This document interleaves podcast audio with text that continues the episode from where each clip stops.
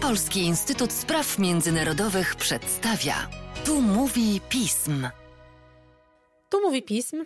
Ja nazywam się Sara Nowacka i jestem analityczką do spraw państw arabskich. A ja nazywam się Tomasz Zając i jestem analitykiem do spraw Unii Europejskiej w naszym instytucie. Dzisiaj wyjątkowo witamy Państwa we dwójkę i zapraszamy Państwa do wysłuchania specjalnego odcinka Depeszy, który dla Państwa przygotowaliśmy. Zebraliśmy analityków i analityczki z naszego instytutu, żeby podsumować mijający rok. Moje rozmowy dotyczyły Unii Europejskiej oraz Stanów Zjednoczonych i szeroko pojętego bezpieczeństwa. Żeby tę reformę przeprowadzić, Potrzeba jest jednomyślność. Potrzeba tak, tak. jednomyślności. Tej jednomyślności nie ma i nie będzie. Więc wydaje mi się, że no nie ma takiego państwa, które dzisiaj powie zrezygnujmy z jednomyślności tak w ogóle, tak, na rzecz kwalifikowanej większości. Przypuszczam, że nie byłoby takiego. Są państwa, które są w stanie odejść od jednomyślności w poszczególnych, najczęściej drobnych kwestiach. Jest też kwestia, która tutaj udała się Ukrainie i mam nadzieję, że będzie w następnych miesiącach kontynuowana, czyli mimo tych swoich ograniczeń, tej asymetrii, wpłynęli też na ograniczenie pewnych zdolności po stronie rosyjskiej. I to się równo rok temu zaczęło, kiedy te drony ukraińskie zniszczyły, uszkodziły kilka bombowców strategicznych rosyjskich. I to się zaczęło w, chyba bodajże w maju tego roku, kiedy zaczęło coraz więcej dronów z powietrza i z podwody atakować kwaterę główną floty czarnomorskiej w Sewastopolu, co efektem jest tego, że już że flota czarnomorska i jej wszystkie główne okręty musiały się przenieść do Noworosyjska. I okazało się przy tym, że Noworosyjsk też nie jest poza zasięgiem dronów podwodnych Ukrainy.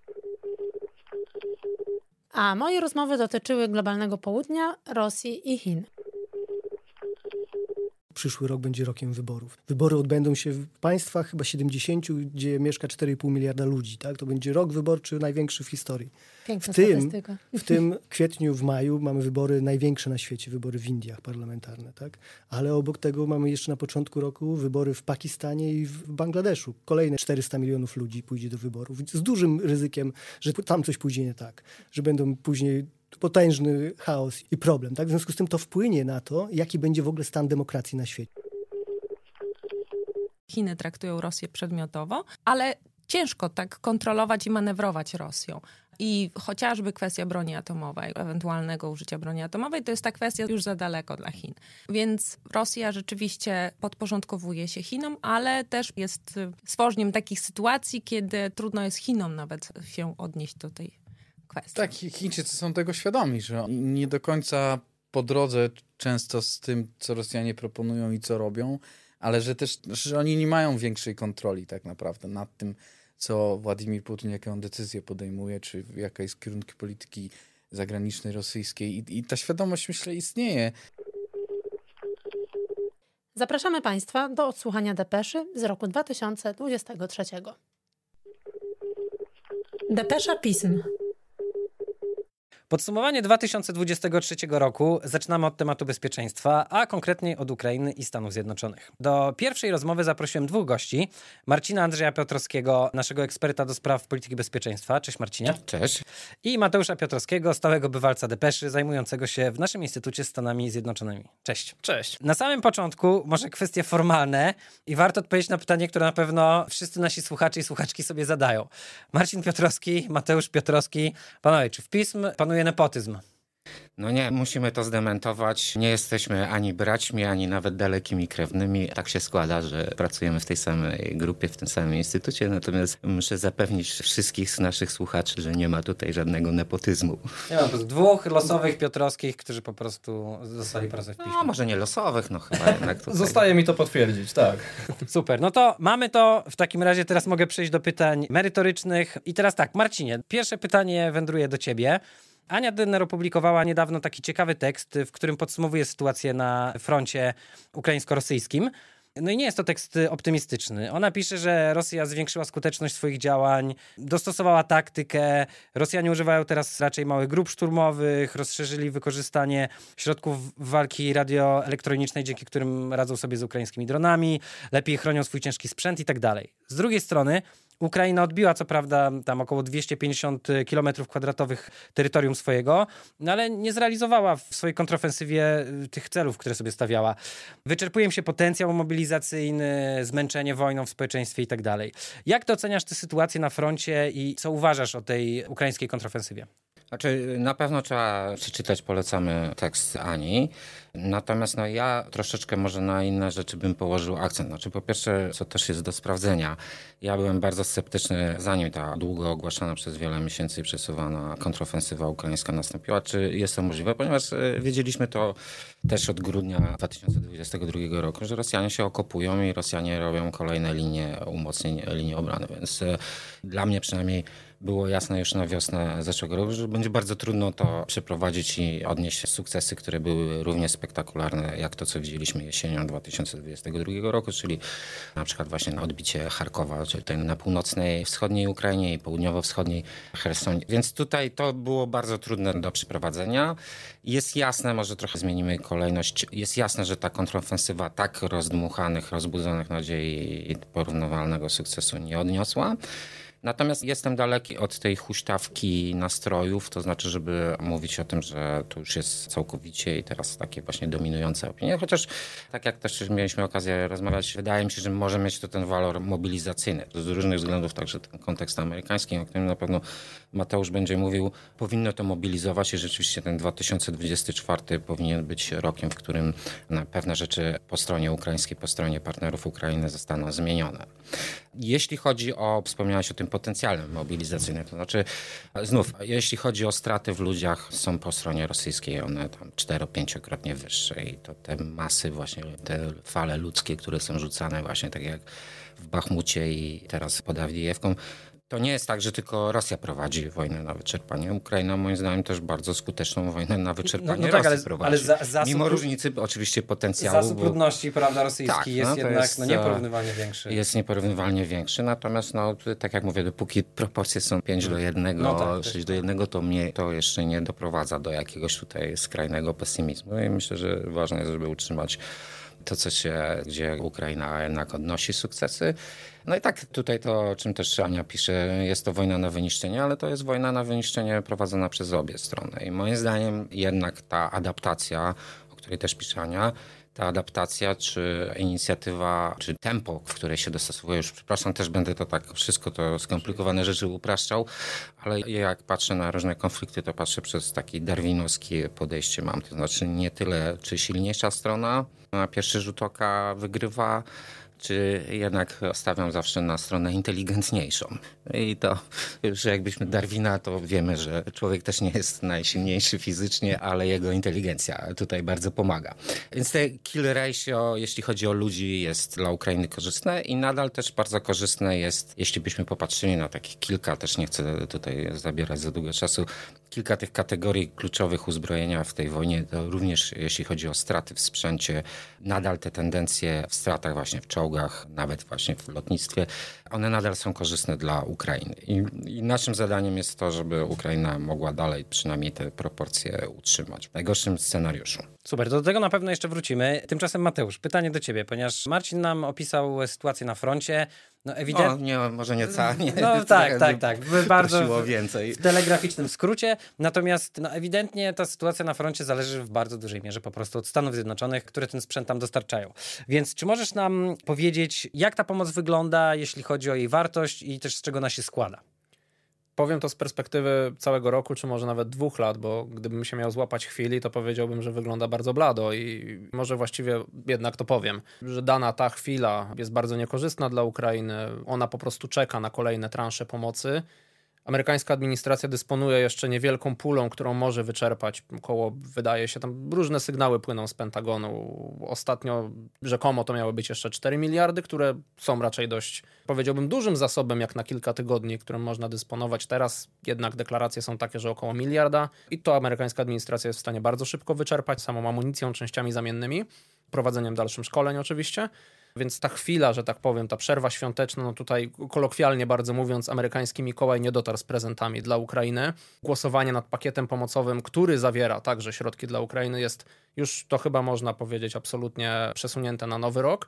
A skoro na nowy rok, to pytanie, kiedy dokładnie w styczniu, to wcale nie musi być pierwszy tydzień, nawet drugi tydzień stycznia, to się może zbiec z debatą ogólną nad budżetem, która już dwa razy była odraczana w, w 2023, to będzie bardzo trudne do osiągnięcia, nawet jeżeli uda się porozumieć w sprawie tej kwestii, która teraz jest najbardziej paląca, czyli kwestia ochrony granic, to mogą się pojawić kolejne właśnie wynikające z tych ustaw budżetowych. Ale patrząc w tej bardziej optymistycznej skali właśnie roku, dwóch, no to Stany Zjednoczone dalej były na czele państw, jeżeli chodzi o tą pomoc militarną, na niej się skupię. Zaznaczę tylko, że z ogólnych środków pomocowych, które zostały faktycznie przekazane Ukrainie w ciągu tych dwóch lat, to jest około 75 miliardów dolarów. W mediach możecie Państwo zobaczyć większe liczby, sięgające ponad 100 miliardów, ale w tej puli się mieszczą też środki, które zostały wykorzystane na funkcjonowanie sił zbrojnych, zamówienia dla własnych sił zbrojnych, na uzupełnianie magazynów. Także to jest taka trochę zakrzywiająca rzeczywistość pula. Mhm. Tak, tak, tak. Trik, z którym teraz też administracja Bidena musi sobie radzić, tłumacząc, że wcale tyle na Ukrainę nie wydano, tylko wydano mniej i przyniosło to korzyści. Z tych 75 miliardów, jedna trzecia to jest pomoc ekonomiczna, bezpośrednia i humanitarna a dwie trzecie, około 46 miliardów, to jest właśnie pomoc wojskowa. No właśnie, bo ty napisałeś taki tekst, w którym pisałeś, że Unia Europejska i Stany są takimi uzupełniającymi się podmiotami, że nie zapominają o jakby każda o tej drugiej stronie, ale Stany bardziej ewidentnie dostarczają po prostu ten sprzęt wojskowy, a jeśli chodzi o pomoc humanitarną, jakoś tam ekonomiczną, nie zapomina o tym, ale też dostarcza, a Unia Europejska trochę odwrotnie, tak? Czyli... Trochę tak jest. No to też wynika z tego, że amerykański przemysł zbrojeniowy jest po prostu bardzo mocno rozkręcony. Chodzi też o amerykańskie przywództwo polityczne, ale też w tym zakresie wojskowości no miało po prostu dużo większy potencjał. Dwa, no Stany Zjednoczone nie muszą, jako władza federalna, nie musi nikogo pytać, że tak powiem, o zgodę. Nie musi wydawać wspólnych decyzji. Unia Europejska jako taka, no jednak musi osiągnąć ten konsensus. To pojedyncze państwa ewentualnie mogły coś w sprawie tej pomocy militarnej robić więcej bądź mniej. Natomiast tutaj to, na co też moim zdaniem trzeba się już tak wychodząc bardziej noworocznie, w 2024 rok, co może się jeszcze bardziej zmienić, to to, że ten bilans tej pomocy ekonomicznej po stronie Stanów Zjednoczonych będzie malał. Na to wyraźnie naciskają republikanie i wydaje mi się, że część państw europejskich już jest przygotowana na to, by ten większy ciężar właśnie pomocy ekonomicznej w ramach zachowywania tego bilansu między Stanami i UE jakoś utrzymywać.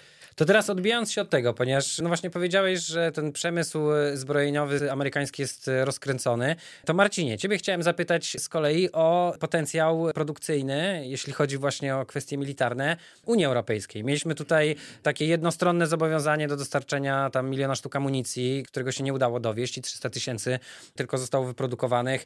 Mamy taką dyskusję w ramach Unii Europejskiej, w której no, Francja w szczególności tutaj mówi, że raczej ten sprzęt ukraiński to niech będzie europejski, bo my też chcemy, żeby nasz przemysł zbrojeniowy na tym korzystał, a z drugiej strony są kraje, które mówią, słuchajcie, wysyłajmy im to, co mamy po prostu, bo tam giną ludzie i to jest po prostu bardzo ważne. Więc jak wygląda ten potencjał produkcyjny europejski i co możesz powiedzieć o jego perspektywach? Decyzje czy deklaracje ze strony Unii są pozytywne, natomiast oczywiście myślę, że te oczekiwania i jak to w polityce, ta poprzeczka oczywiście tak wysoko została zawieszona, że przemysł europejski nie był w stanie udźwignąć, a to z nas sprowadza do kolejnego jakby konsekwencji tego natury tej wojny. To znaczy, że tutaj no, to zabijanie jest na skalę masową, na skalę przemysłową. Tymczasem właśnie przemysł obronny europejski, on jest po prostu przez dwie, trzy dekady był przystosowany do zupełnie produkcji innego typu uzbrojenia. Uzbrojenia, które jest precyzyjne, bardzo drogie, uzbrojenie, które jest właściwie jak w manufakturze, jest często różne rakiety, czy nawet inny, bardziej zaawansowany sprzęt jest składany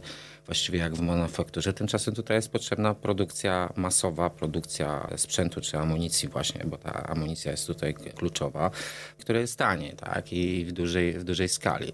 Więc ja myślę, że te możliwości będą bardzo powoli wzrastać. Co jest oczywiście dla, dla mnie o tyle też niepokojące, czy jakąś tam może być przesłanką do pesymizmu, no bo ten rok następny może być kluczowy. Znaczy ja zakładam, że ta wojna, w zależności od tego oczywiście jak Stany Zjednoczone, jakie ich stanowisko będzie, ale ta wojna może trwać znacznie dłużej. Wtedy te możliwości gospodarcze przemysłu europejskiego, amerykańskiego, innych krajów rozwiniętych, bo nie zapominajmy, że poza Unią jeszcze jest Wielka Brytania, która ma też coraz bardziej rozkręcony ten przemysł obronny. Jest Kanada, jest Korea Południowa, która dostarczyła więcej amunicji niż cała Unia Europejska. Jest Australia, jest Japonia i te kraje, ja bym oczekiwał, że, że to będzie to źródło wypełnienia tych luk w przyszłym czy w następnych latach. Okej, okay, to ciekawe, ale właśnie jakie widzisz tendencje rozwoju tego przemysłu europejskiego? Znaczy jestem ja, ciekawy, no, czy ja to jest... mogę tutaj najkrócej, to mogę tylko odesłać do konta Marcina Terlikowskiego, który śledzi fragmentację i tendencje w przemyśle obronnym, więc nie chcę też tego, bo tak jak mówię, to są cenne inicjatywy, one są ważne i nawet jak przyjmiemy właśnie takie skrajnie pesymistyczne scenariusze, to powinno to mobilizować i niezależnie od tego, jakie jest stanowisko Francji, powinno to przynieść stopniowo w następnych miesiącach czy latach zmiany jakościowe i ilościowe. Natomiast no, na dzisiaj w perspektywie pół roku czy roku no, musimy też liczyć na mobilizację innych partnerów Ukrainy poza Stanami Zjednoczonymi. Tutaj no, największy ten potencjał to widać już jest wkład, chociaż mimo różnych oporów to jest właśnie Korea Południowa bo jednak Korea Południowa ze względu na przygotowania do ewentualnej wojny z Koreą Północną zawsze utrzymywała właśnie to, co zostało zaniedbane w Europie, czy do jakiegoś tam stopnia nawet w Stanach Zjednoczonych, czy właśnie ten przemysł, który jest zdolny do produkcji masowej e, amunicji artyleryjskiej. Więc tutaj Korea Południowa też może być takim też źródłem różnego sprzętu, więc myślę, że ponieważ tak jak nie, nie zakładam, że ten konflikt e, szybko zostanie mm, zakończony i rozwiązany, więc trzeba każde te źródła i możliwości, które jeszcze nie do końca zostały wykorzystane, należy je w najbliższych miesiącach, w najbliższym roku wykorzystać. Podsumowujemy rok 2023 w temacie bezpieczeństwa i powiedzieliśmy sobie właśnie o tym, jak ważnym tutaj też graczem są Stany Zjednoczone. Natomiast no już w tej rozmowie nawet wyszło, jak bardzo jednak wszyscy patrzą za ocean, ponieważ podsumowujemy rok 2023, ale nie oszukujmy się, wszyscy patrzą, co tak naprawdę zdarzy się, prawda, w trakcie wyborów prezydenckich. Więc Mateuszu, pytanie jest do ciebie. Jak wygląda sytuacja ekonomiczna w Stanach i jak to się przekłada na sytuację polityczną, czyli nie wiem, notowania Joe Bidena na przykład? Gdybyśmy sobie spojrzeli na konto Białego Domu, na przykład Partii Demokratycznej, to dostalibyśmy taki obraz, że sytuacja gospodarcza się poprawia z miesiąca na miesiąc, z kwartału na kwartał, może tak. I tak jest, faktycznie. Jest Właśnie, dane makroekonomiczne oni mają dosyć korzystne, prawda? Tak, jest wzrost PKB, także PKB per capita. Odbudowywane są dalej miejsca pracy po pandemii. To jest oczywiście proces bardzo długotrwały, ale tych miejsc pracy przybywa. Teoretycznie, w dużym skrócie, żyje się lepiej, ale w praktyce w 2023 roku coraz więcej osób, Amerykanów, obywateli deklarowało, że żyje im się coraz ciężej, że potrzebują coraz więcej pieniędzy na życie, żeby żyć godnie. Tak to jest po prostu nazywane w sondażach. I ich pensja na wszystkich mieszkańców domostwa po prostu jest już niewystarczająca, ten próg się zwiększa. To nie jest próg ubóstwa oczywiście, że oni są na skraju ubóstwa, zostania bezdomnymi, ale jednak no, nie mogą sobie pozwolić na takie życie, jakie w przyszłości. To jest pewna skala tego, co będzie miało to przełożenie na politykę, bo kampanie świetnie się buduje oczywiście zawsze na liczbach, ale jeżeli one nie znajdują przełożenia, że tak powiem, na portfel przeciętnego Amerykanina, no to to jest pewien problem. I to jest problem, z którym się Joe Biden musi zmierzyć, bo największe swoje projekty gospodarcze wydaje się już osiągnął w pierwszych dwóch latach prezydentury, kiedy demokraci kontrolowali obie izby kongresu z republikanami kontrolującymi Izbę Reprezentantów jest to po prostu niemożliwe, żeby osiągnąć coś dużego jeszcze. A tamte projekty, szczególnie projekt ustawy infrastrukturalnej, no to jest projekt na lata, być może nawet na dekady przy opóźnieniach. Na nim się nie da, da się zbić kapitał polityczny, ale nie da się osiągnąć realnych korzyści, by pokazać w skali kraju, że jest lepiej. To de facto na takiej ustawie, na takim projekcie, który byłby szybko zrealizowany w ramach tej ustawy, może kapitał zbić któryś z senatorów czy kongresmenów z danego dystryktu, gdzie jakiś projekt się realizuje. Dla prezydenta ta skala jest po prostu za duża. To jest pewne dziedzictwo, które zostawi za sobą, ale nie materiał na kampanię w 2024 roku i to widać. Amerykanom nie żyje się tak dobrze, jak mogłoby się wydawać, że mogliby żyć. I winią za to Bidena. Tak, no a kogo mają winić, jak nie urzędującego prezydenta? Na pewno nie będą winić i tutaj... Koniunktury y, międzynarodowej? No być może powinni, ale czy w ogóle odniesienie do polityki społecznej jest racjonalne? No winią urzędującego prezydenta. Pamiętają, że za Donalda Trumpa nie było tak źle. Zaczęła się pandemia, były lockdowny, ale jednak sytuacja nie była. Oczywiście ludzie potracili miejsca pracy wtedy, ale jednak było takie wrażenie, że Donald Trump próbuje sobie jakoś z tą pandemią poradzić. To, że potem wykonał absolutny twist w połowie kadencji i z człowieka, który zaganiał cały przemysł farmaceutyczny do produkowania szczepionek, zaczął być denialistą tego, że w ogóle pandemia istnieje pomimo własnej choroby, to jest inna sprawa, ale pamięć jest ulotna, ludzka. Za Donalda Trumpa przez większość jego kadencji Paliwo było tanie, na pewno nie było tak drogie jak jest teraz, czy w pewnych momentach szczytowych administracji Bidena. Skoro paliwo było tańsze, to ceny nie były tak wysokie. To, że sama inflacja wyhamowała w Stanach Zjednoczonych, no nie oznacza, że te ceny spadły do poziomu wcześniejszego. Ceny najmu mieszkań są drastycznie wysokie dla Amerykanów. To jest właśnie to, co sprawia, że im po prostu nie starcza na to tak zwane godne życie. I to sprawia, że obecny urzędujący prezydent jak powiedzmy po pół roku prezydentury zaczął spadać w tych notowaniach społecznych do poziomu 40 punktów procentowych bądź niżej. W niektórych momentach tak na tym progu cały czas sobie przebywa i po prostu popularny nie jest. Tu pozostawiam w ocenie słuchaczy, czy on jest dobrym prezydentem, czy nie jest dobrym prezydentem. Wygodnie też się patrzy z perspektywy międzynarodowej, kiedy to znaczenie polityki zagranicznej jest po prostu dużo wyższe niż dla przeciętnego Amerykanina. No tutaj oni chętnie szukają alternatywy, mam na myśli wyborców oczywiście jeżeli jest nią Donald Trump, nie jest to być może super rozwiązanie, ale dla wielu osób będzie ono lepsze niż Joe Biden. Choć często w sondażach wybrzmiewa to, że i wyborcy Partii Demokratycznej, i część wyborców Partii Republikańskiej wolałaby, żeby kto inny reprezentował ich partię, ale jak nie ma wyboru, no to trudno. Rozumiem, a czy Joe Biden chowa jeszcze jakiegoś asa w rękawie, ma jakąś tajną broń przygotowaną, liczy na coś, co się wydarzy w przyszłym roku, co by mogło odwrócić po prostu ten trend? Szczerze, ja mam nadzieję, że Joe Biden i jego zespół ma nadzieję, że już nic się nie wydarzy takiego, co jest nieprzewidziane. Za dużo tego jest. To jest naprawdę trochę prezydentura pisana kolejnymi kryzysami, jak nie wewnętrznymi i potrzebą radzenia sobie z problemami tak międzynarodowymi. Zresztą teraz mamy nawet połączenie kryzysu międzynarodowego z kryzysem wewnętrznym. Wybucha wojna Izraela z Hamasem, a wewnętrznie trzeba sobie radzić z antysemityzmem, z islamofobią. To się przekłada na środowiska akademickie, na napięcia społeczne, ryzyko utraty elektoratu ja, gdybym miał, że tak powiem, się znaleźć w tej skórze na chociaż godzinę, to życzyłbym sobie, żeby 2024 rok przebiegał tak. absolutnie z harmonogramem takim zaplanowanym od 1 stycznia, przynajmniej do dnia wyborów w listopadzie. Potem niech się dzieje, co chce. Jasne. Słuchajcie, to na koniec jeszcze chciałem w szczególności Marcina zapytać o taką jedną rzecz. Szczerze powiedziawszy, dla mnie to chyba jakby najistotniejsza i najważniejsza kwestia. Rozmawialiśmy tutaj chwilę przed nagraniem też na ten temat.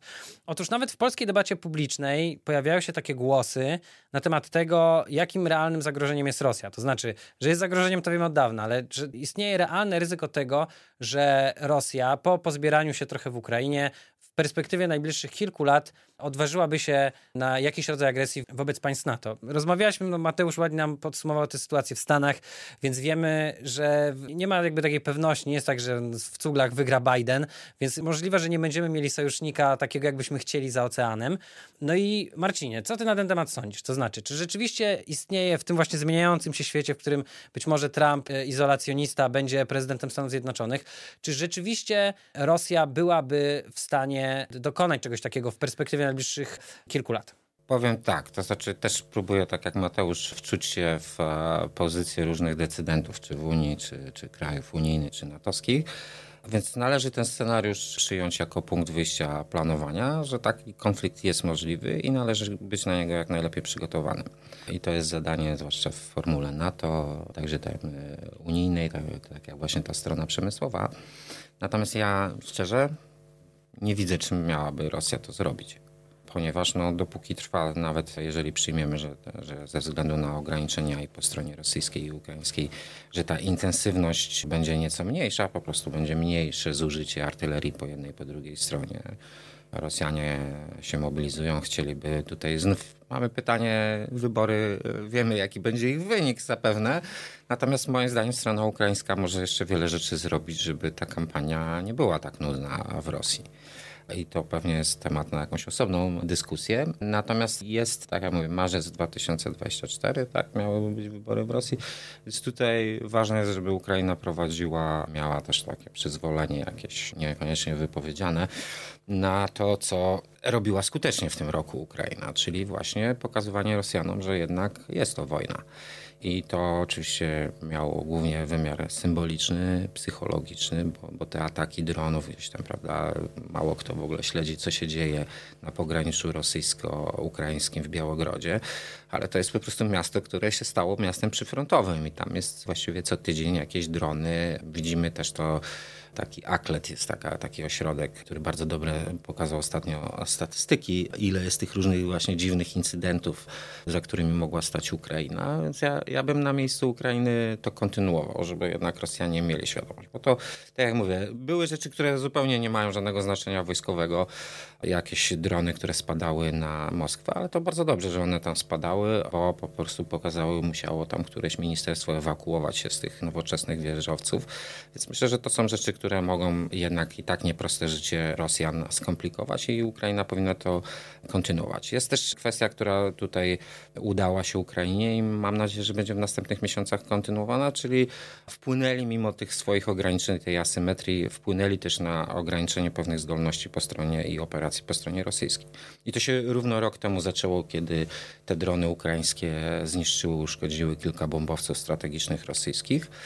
I to się zaczęło w, chyba bodajże w maju tego roku, kiedy zaczęło coraz więcej dronów z powietrza i z podwody atakować kwaterę główną floty czarnomorskiej w Sewastopolu, co efektem jest tego, że już i też mało no, o tym się mówi w mediach, że flota czarnomorska i jej wszystkie główne okręty musiały się przenieść do Noworosyjska. I okazało się przy tym, że Noworosyjsk też nie jest poza zasięgiem dronów podwodnych Ukrainy.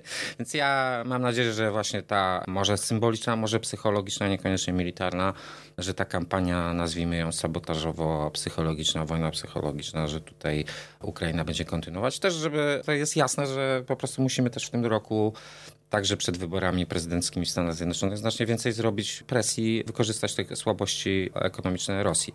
I ja też już przepraszam za język, ale no po prostu wykorzystajmy to, że ona mobilizuje się i że tak naprawdę to nie tylko jedna trzecia, ale być może i połowa budżetu federalnego rosyjskiego idzie na bezpieczeństwo i na wojnę. Więc wykorzystajmy wszystkie te słabości, które są moim zdaniem też już ewidentne po dwóch latach, prawie dwóch latach tej wojny. Wykorzystajmy na większą presję i Unii Europejskiej, i Stanów Zjednoczonych te najbliższe miesiące i też ważne także w kontekście szczytu, następnego właśnie szczytu NATO w Waszyngtonie. Myślę, że też ważne, żeby też różne ruchy i bardziej intensywne ćwiczenia i obecność sojuszników na flance wschodniej. To, to myślę, że to bardzo skomplikuje wiele planów i spowoduje, że ten scenariusz, w który ja wątpię, jakiejś agresji rosyjskiej na, na NATO. Natomiast ja się obawiam trochę innych rzeczy w przyszłym roku ze strony rosyjskiej. Ale myślę, że z jednej strony oczywiście będzie wpływać i tutaj miała sojusznika nieformalnego w postaci Ilona Maska, będzie wpływać na to, jak ten dyskurs i jak ta kampania negatywna, zwłaszcza w Stanach Zjednoczonych, będzie wyglądała. Mam obawy, że Rosjanie mogą się posunąć, ponieważ raczej unikają tego konfliktu otwartego i poniżej artykułu 5 Traktatu Waszyngtońskiego. Mam pewne obawy, że mogą być dosyć skuteczni straszakiem nuklearnym wypowiedzieli ten układ e, o zakazie e, testów broni nuklearnej, więc świetna moim zdaniem z ich punktu widzenia karta, żeby postraszyć, naprawdę postraszyć Zachód. To jest właśnie groźba wojny nuklearnej. I tutaj też muszę dodać, że mimo, że Rosja ma deklarowaną politykę i doktrynę, że zaatakowanie jej baz sił strategicznych to już jest początek wojny nuklearnej i końca świata, Ukraina to zrobiła w kolejnymi lotniskami, kolejnymi zniszczonymi, uszkodzonymi bombowcami nic się nie stało. Więc dlatego uważam, że będą Rosjanie bardzo chcieli też wpłynąć na czy to opinię europejską, niemiecką, czy amerykańską właśnie tym straszakiem, na przykład przeprowadzeniem testów nuklearnych, wznowieniem. I to będzie, to będzie wyglądało, natomiast no, uważam, że jednak będzie to blef, więc musimy się na to psychologicznie przygotować.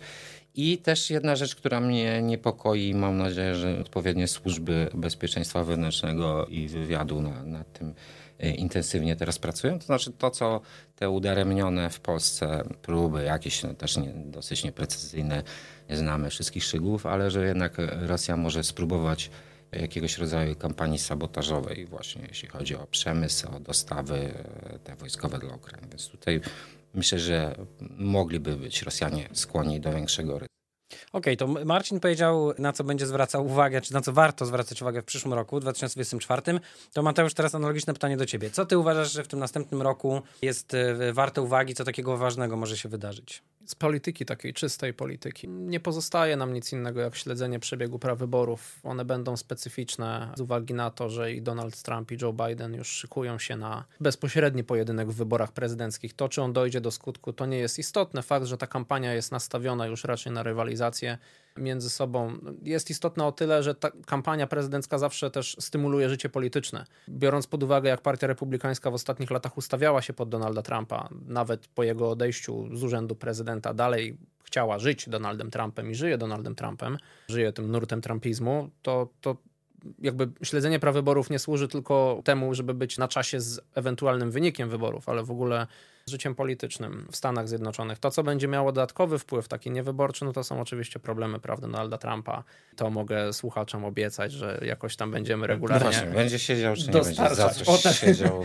Te, tego, tego nie, tego nie będę tu rozstrzygał. Tak, tak. nie chcesz się podzielić. No. W czterech różnych sprawach, tak, znam już wyroki. Nie no, to jest coś, co na pewno trzeba śledzić. I trzeci punkt, który będzie absolutną moją ucieczką, istotny będzie to wszystko, co nieprzewidziane tak jak zaskoczona jednak była administracja Bidena wojną teraz właśnie Izraela z Hamasem i tym, jakie problemy to wywołało i na gruncie międzynarodowym, to jak się, y, na gruncie wewnętrznym także, ale to nawet jako poparcie międzynarodowe i samych Stanów Zjednoczonych dla Izraela sojusznika właściwie żelaznego, można by powiedzieć. Jednak jak się zmienia z tygodnia na tydzień, to wydaje mi się, że to właśnie, czego Joe Biden chciałby najbardziej uniknąć, czyli wszystko, co nieprzewidziane, będzie tym, co będzie bardzo stymulować przebieg kampanii dalej, a więc w ogóle życie polityczne. Przy czym oczywiście to, co wewnętrzne, będzie odgrywało większe znaczenie niż to, co w polityce zagranicznej na zewnątrz. Tu niestety taka zła wiadomość.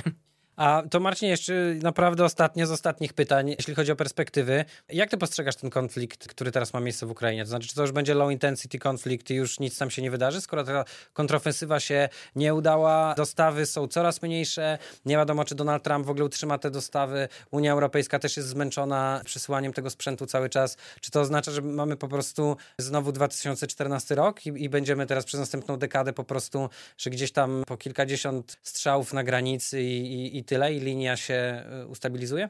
Nie sądzę, żeby to tak było tym razem. Y, jedna uwaga terminologiczna. Low intensity konflikt to jest konflikt, w którym zazwyczaj w tym żargonie amerykańskim to jest konflikt, w którym mamy z jednej strony państwo albo jakiś sojusz państw i z drugiej strony aktora niepaństwowego. Tutaj mamy właśnie dobrze, to, to jest to prze, bardzo dobrze, że powiedziałeś. Przejście bardzo ważne, że jednak mamy do czynienia z konfliktem międzypaństwowym. Natomiast tak y, w sensie opisu to mi się wydaje dosyć prawdopodobne, że tak jak mówię, front może być dosyć zastygły, stagnacja, bo, bo tak jak mówię, także Rosjanie spekuluje się, Ania też o tym pisze, że może być jakaś próba rosyjskiej ofensywy na Charków ponownie. Mam wątpliwości, czy oni to, znaczy mogą po prostu taką rzeźnią, przy której Awdijewka, Bachmut będzie jakimś tam też epizodem.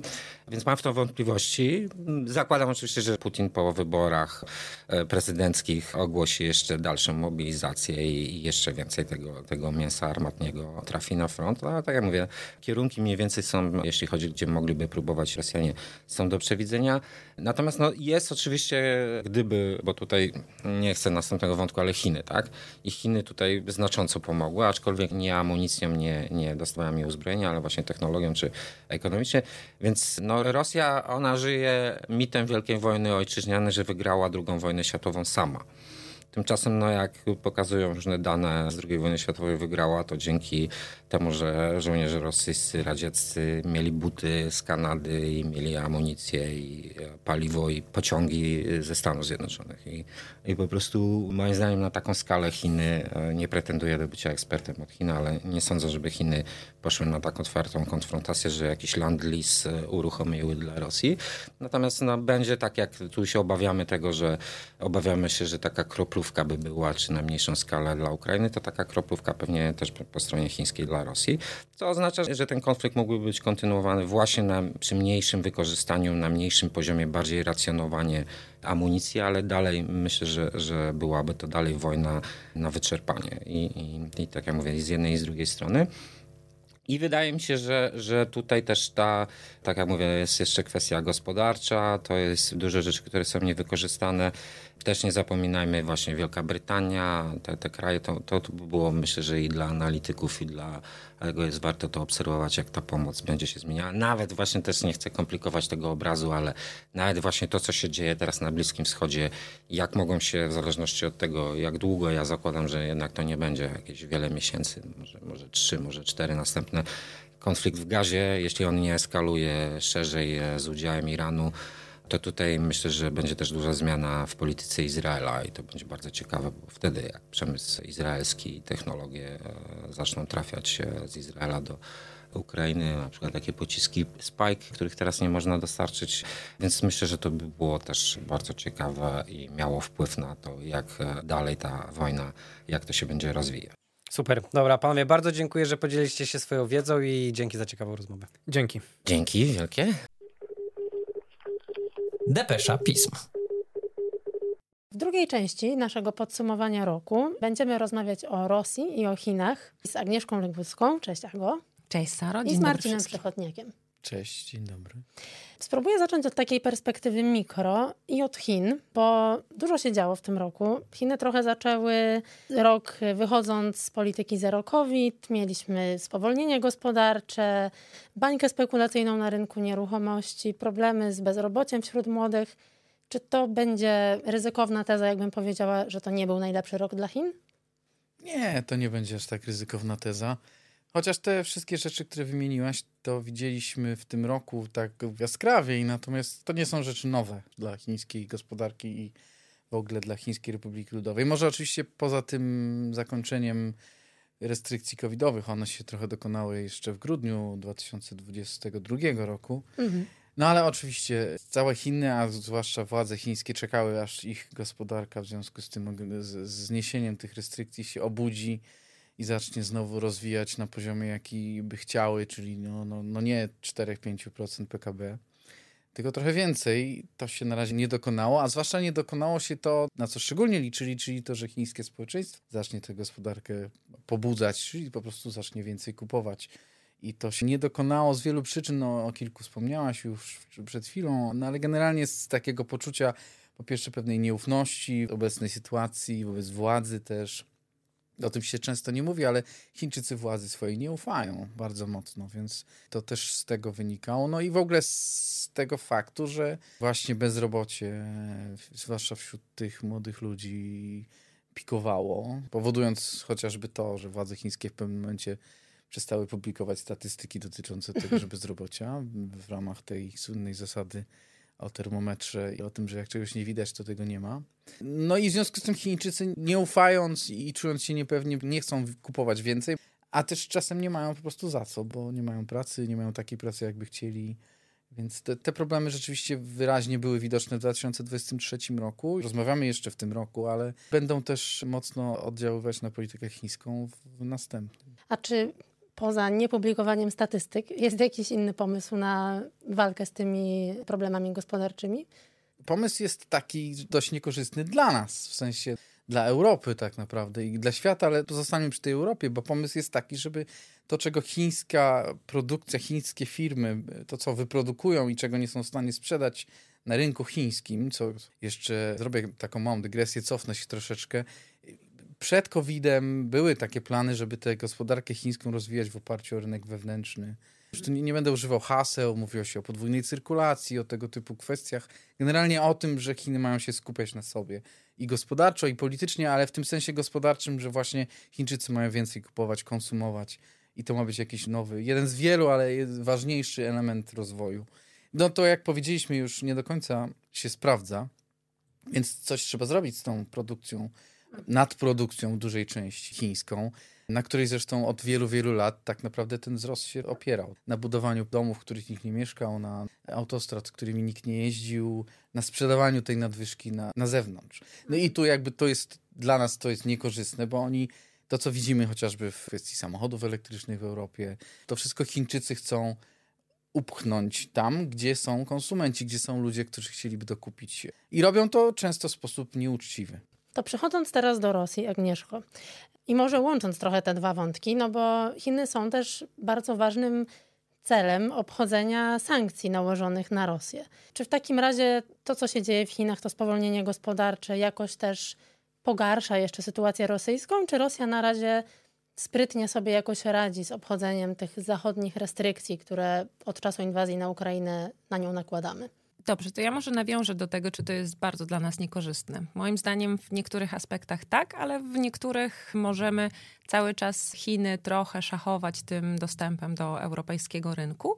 I w momencie, kiedy Chiny była taka kwestia, że Chiny będą dostarczać broń do Rosji, no to wysłany został bardzo silny sygnał, że to może nie tylko wiązać się z sankcjami, ale właśnie ograniczeniami dostępu do europejskiego rynku. I tutaj zarówno Stany Zjednoczone, jak i Komisja Europejska miały bardzo takie twarde stanowisko. Więc oficjalnie Chiny nie dostarczają broni Rosji. A co dzieje się nieoficjalnie, trudno powiedzieć, trudno zbadać i jakby powiedzieć, że to są rzetelne dane.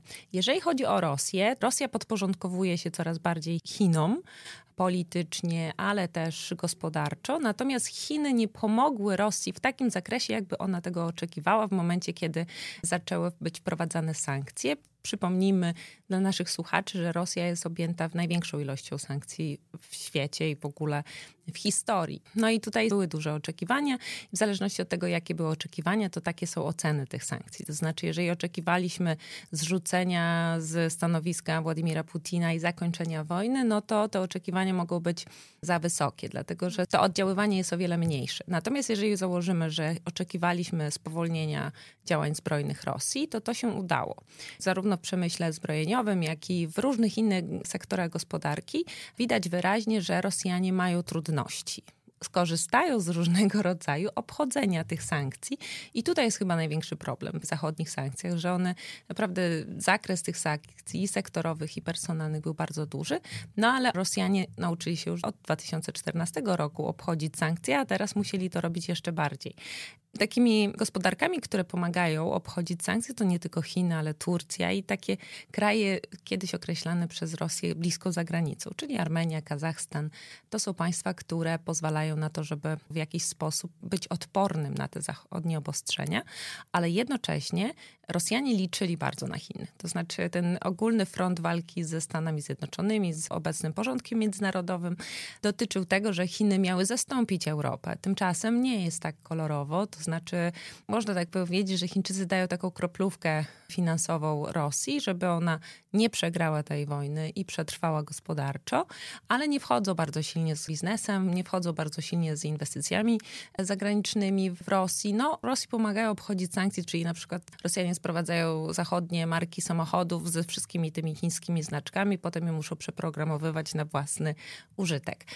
Ale mówiąc o gospodarce, to hmm, rosyjska gospodarka w ostatnim czasie nie była tak bardzo źle oceniana, znaczy w tym sensie, że były duże problemy, ale liczono na to, że ona się załamie. Przynajmniej niektórzy ekonomiści tak głosili. Rosjanie z racji tego, że to jest taki państwowy kapitalizm, to udaje mu się być elastycznym do bieżącej sytuacji. Firmy są zdolne do tego, żeby pozyskiwać produkty z tego drugiego obiegu, ale ta gospodarka cały czas się utrzymuje na powierzchni. Takim chyba teraz świątecznym elementem tej gonki, jeżeli chodzi o gospodarkę, to jest, są bardzo wysokie ceny i niedostępność jajek.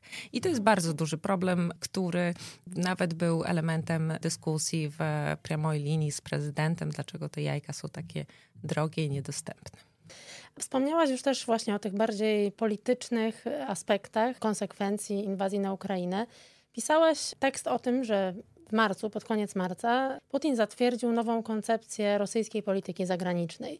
Czy to była, czy można to czytać w jakimś stopniu jako właśnie reakcję na to, co dzieje się, jak postępuje inwazja na Ukrainę, czyli no niezgodnie z planem, i jak Rosja próbuje się trochę inaczej upozycjonować na świecie w związku z tym?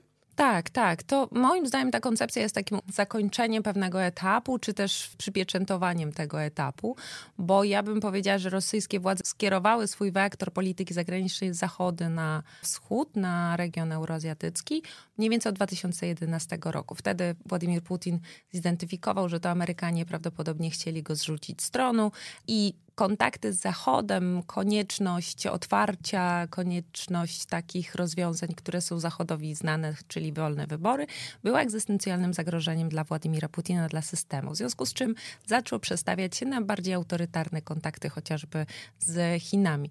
I ta koncepcja podkreśla to, że Rosja nie ma bliskich relacji, a wręcz wrogie relacje ma z Zachodem, który próbuje ją ograniczać, ale właśnie Chiny i cała Euroazja. I tutaj otwierają się wszelkie wszelkiego rodzaju kontakty również z tak zwanym globalnym południem, bo to nie tylko chodzi o Azję, ale pokazanie, że Rosja jest w stanie być takim liderem w tym nowym porządku międzynarodowym. I jeszcze jeden fajny element, fajny badawczo, element tej koncepcji jest taki, że mówi się o ruskim mirze. Ten ruski mir był czymś, co miało dotyczyć głównie obszaru byłego Związku Radzieckiego i tam rosyjskie fundacje funkcjonowały i tam rosyjska taka soft power zaczęła być promowana.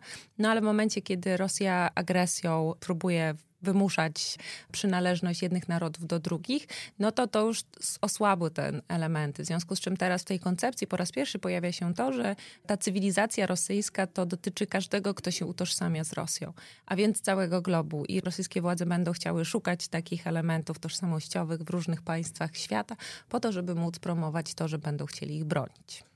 No dobrze, no i tutaj mam taką zagwozdkę, jak to się właśnie ma do tej rosyjsko-chińskiej przyjaźni. No bo jednocześnie mieliśmy w maju szczyt Xi Jinpinga z przywódcami Azji Centralnej. I Mówi się trochę tak, że ten szczyt, tam też podpisano umowy, które opiewały na bardzo duże kwoty finansowe trochę miałby wskazywać na to, że Chiny jednak starają się prowadzić bardziej samodzielną politykę w tym obszarze, powiedzmy, dawnego ZSRR, bo nie całkiem im się podoba jednak to, że Rosja próbuje gdzieś stworzyć taką imperialną narrację, która, nie wiem, tworzy takie ryzyko, że te państwa będzie próbowała gdzieś z powrotem włączyć na swoje terytorium. Czyli właściwie jak Chiny próbują reagować i prowadzić te relacje właśnie z Rosją w obliczu takich zmian narracyjnych czy właśnie politycznych rosyjskich?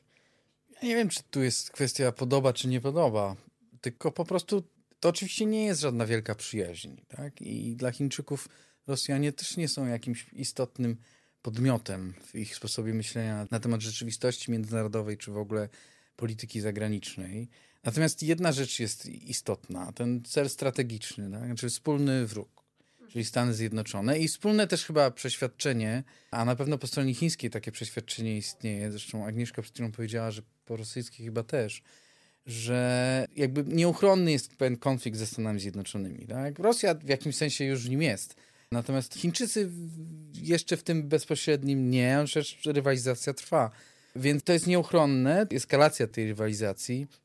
Też w tym kontekście, że celem Stanów Zjednoczonych jest zmiana władzy w Chinach i usunięcie reżimu i władzy komunistycznej partii Chin jako takiej. Tak?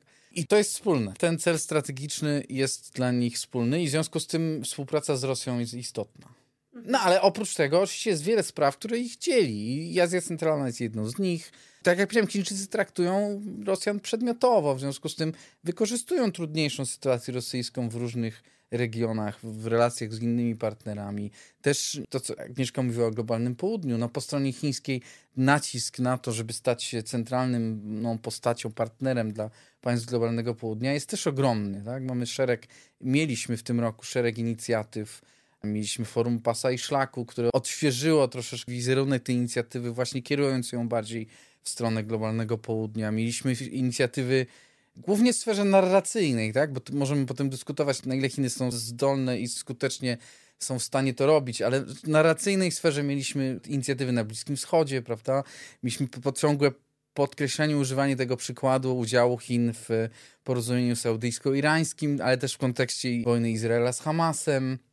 Jakby więc te wszystkie elementy, które pokazywały, że Chińczycy tutaj chcą stać się podmiotem kluczowym, tak? Że Rosjanie są istotni do pewnego stopnia, ale ich rola maleje, tak? Chińczycy no, widzą to i jakby starają się to wykorzystać dla swoich celów. Więc w tym sensie nie traktują Rosji jako partnera, któremu wszędzie należy za wszelką cenę pomóc, ale pomagają mu w ramach tych elementów strategicznych, o których wspomniałem na początku, a w innych miejscach nie wprost, no bo oczywiście ważny jest też ten plan dalszy, ale jakoś starają się rozpychać i tam, gdzie Rosja była kiedyś ważniejsza, czy silniejsza, czy miała inne priorytety niż Chińczycy, jak chociażby w Azji Centralnej, starają się podkreślać ten swój ważniejszy wymiar w tej chwili. Jeżeli chodzi o Azję Centralną, to przez wiele lat był taki podział zadań. Rosja była odpowiedzialna za kwestie bezpieczeństwa, Szanghajska Organizacja Współpracy, współpraca w ramach takiego sojuszu rosyjskiego, odpowiednika NATO,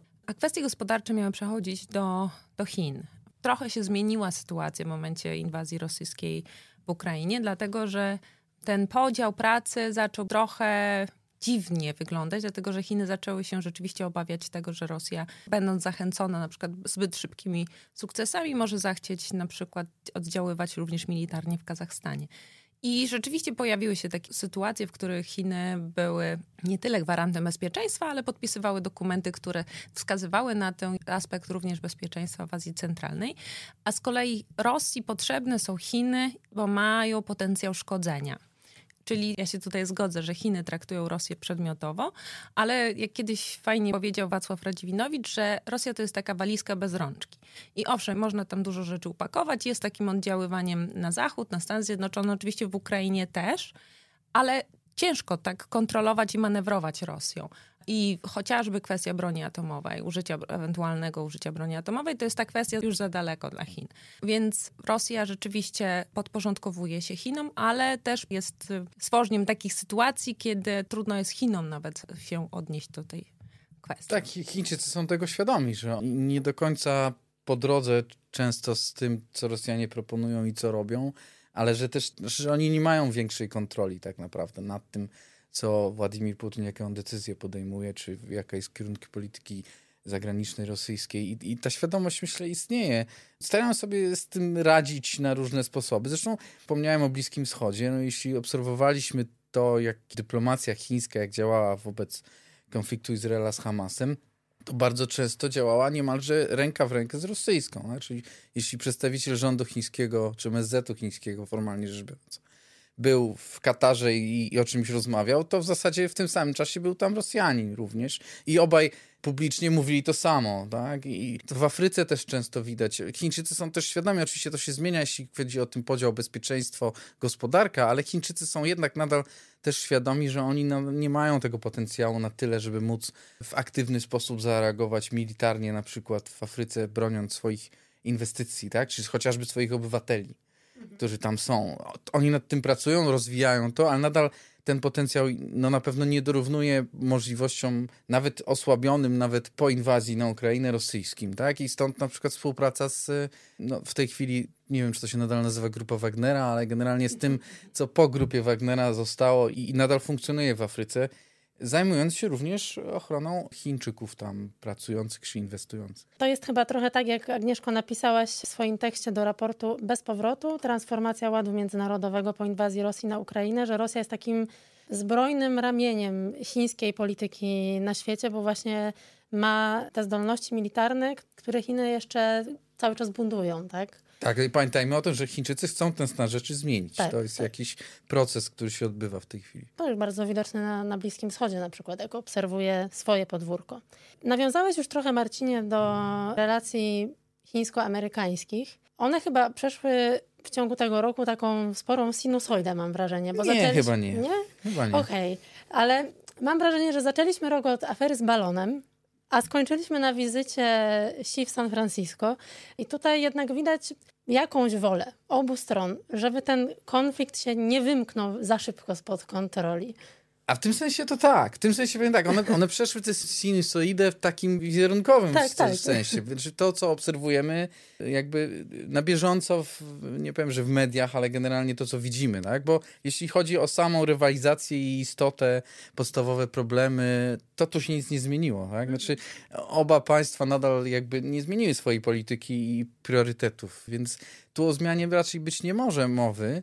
Natomiast oczywiście tak, oba państwa z dość koniunkturalnych przyczyn postanowiły nieco złagodzić ten próg tej rywalizacji, tak? Znaczy, spróbować podjąć taką komunikację, która rzeczywiście mogłaby zapobiec eskalacji w sposób nieświadomy, tak? Znaczy, powstania sytuacji, która mogłaby prowadzić do konfliktu zbrojnego przypadkowo, tak? Chociażby na Morzu Południowochińskim, czy wokół Tajwanu, mówiąc dość generalnie na temat tego.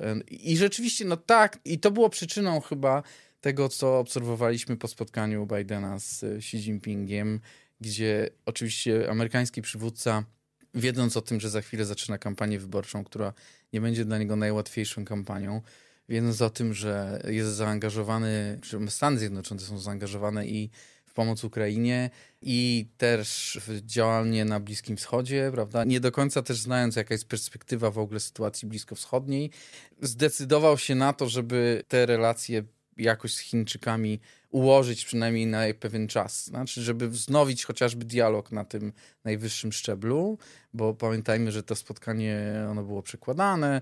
Też były wcześniej problemy w ogóle z relacjami, z kontaktami pomiędzy amerykańską administracją a chińskimi politykami wysokiego szczebla, więc to się jakby udało do pewnego stopnia przywrócić. To, to zobaczymy jeszcze, czy się udało, ale generalnie przynajmniej w tej sferze oświadczeń i stanowisk się to udało zrobić. No i udało się, chociaż też, jak pokazują już teraz fakty, chyba nie do końca, ale przynajmniej zadeklarować wznowienie komunikacji wojskowej, tak? czy dialogu między Departamentem Obrony a Ministerstwem Obrony Chińskim, ale też chyba ważniejszego, komunikacji bezpośredniej dowódców już w regionie Morza Południowochińskiego, w ogóle marynarek wojennych obu stron, właśnie po to, żeby jakiś zabłąkany samolot, okręt, który w sposób niespodziewany się zachowa, żeby jakaś tego typu kolizja czy działanie nie spowodowało nagle eskalacji, która mogłaby się wymknąć w stronę, której żadna z tych państw w tej chwili nie oczekuje.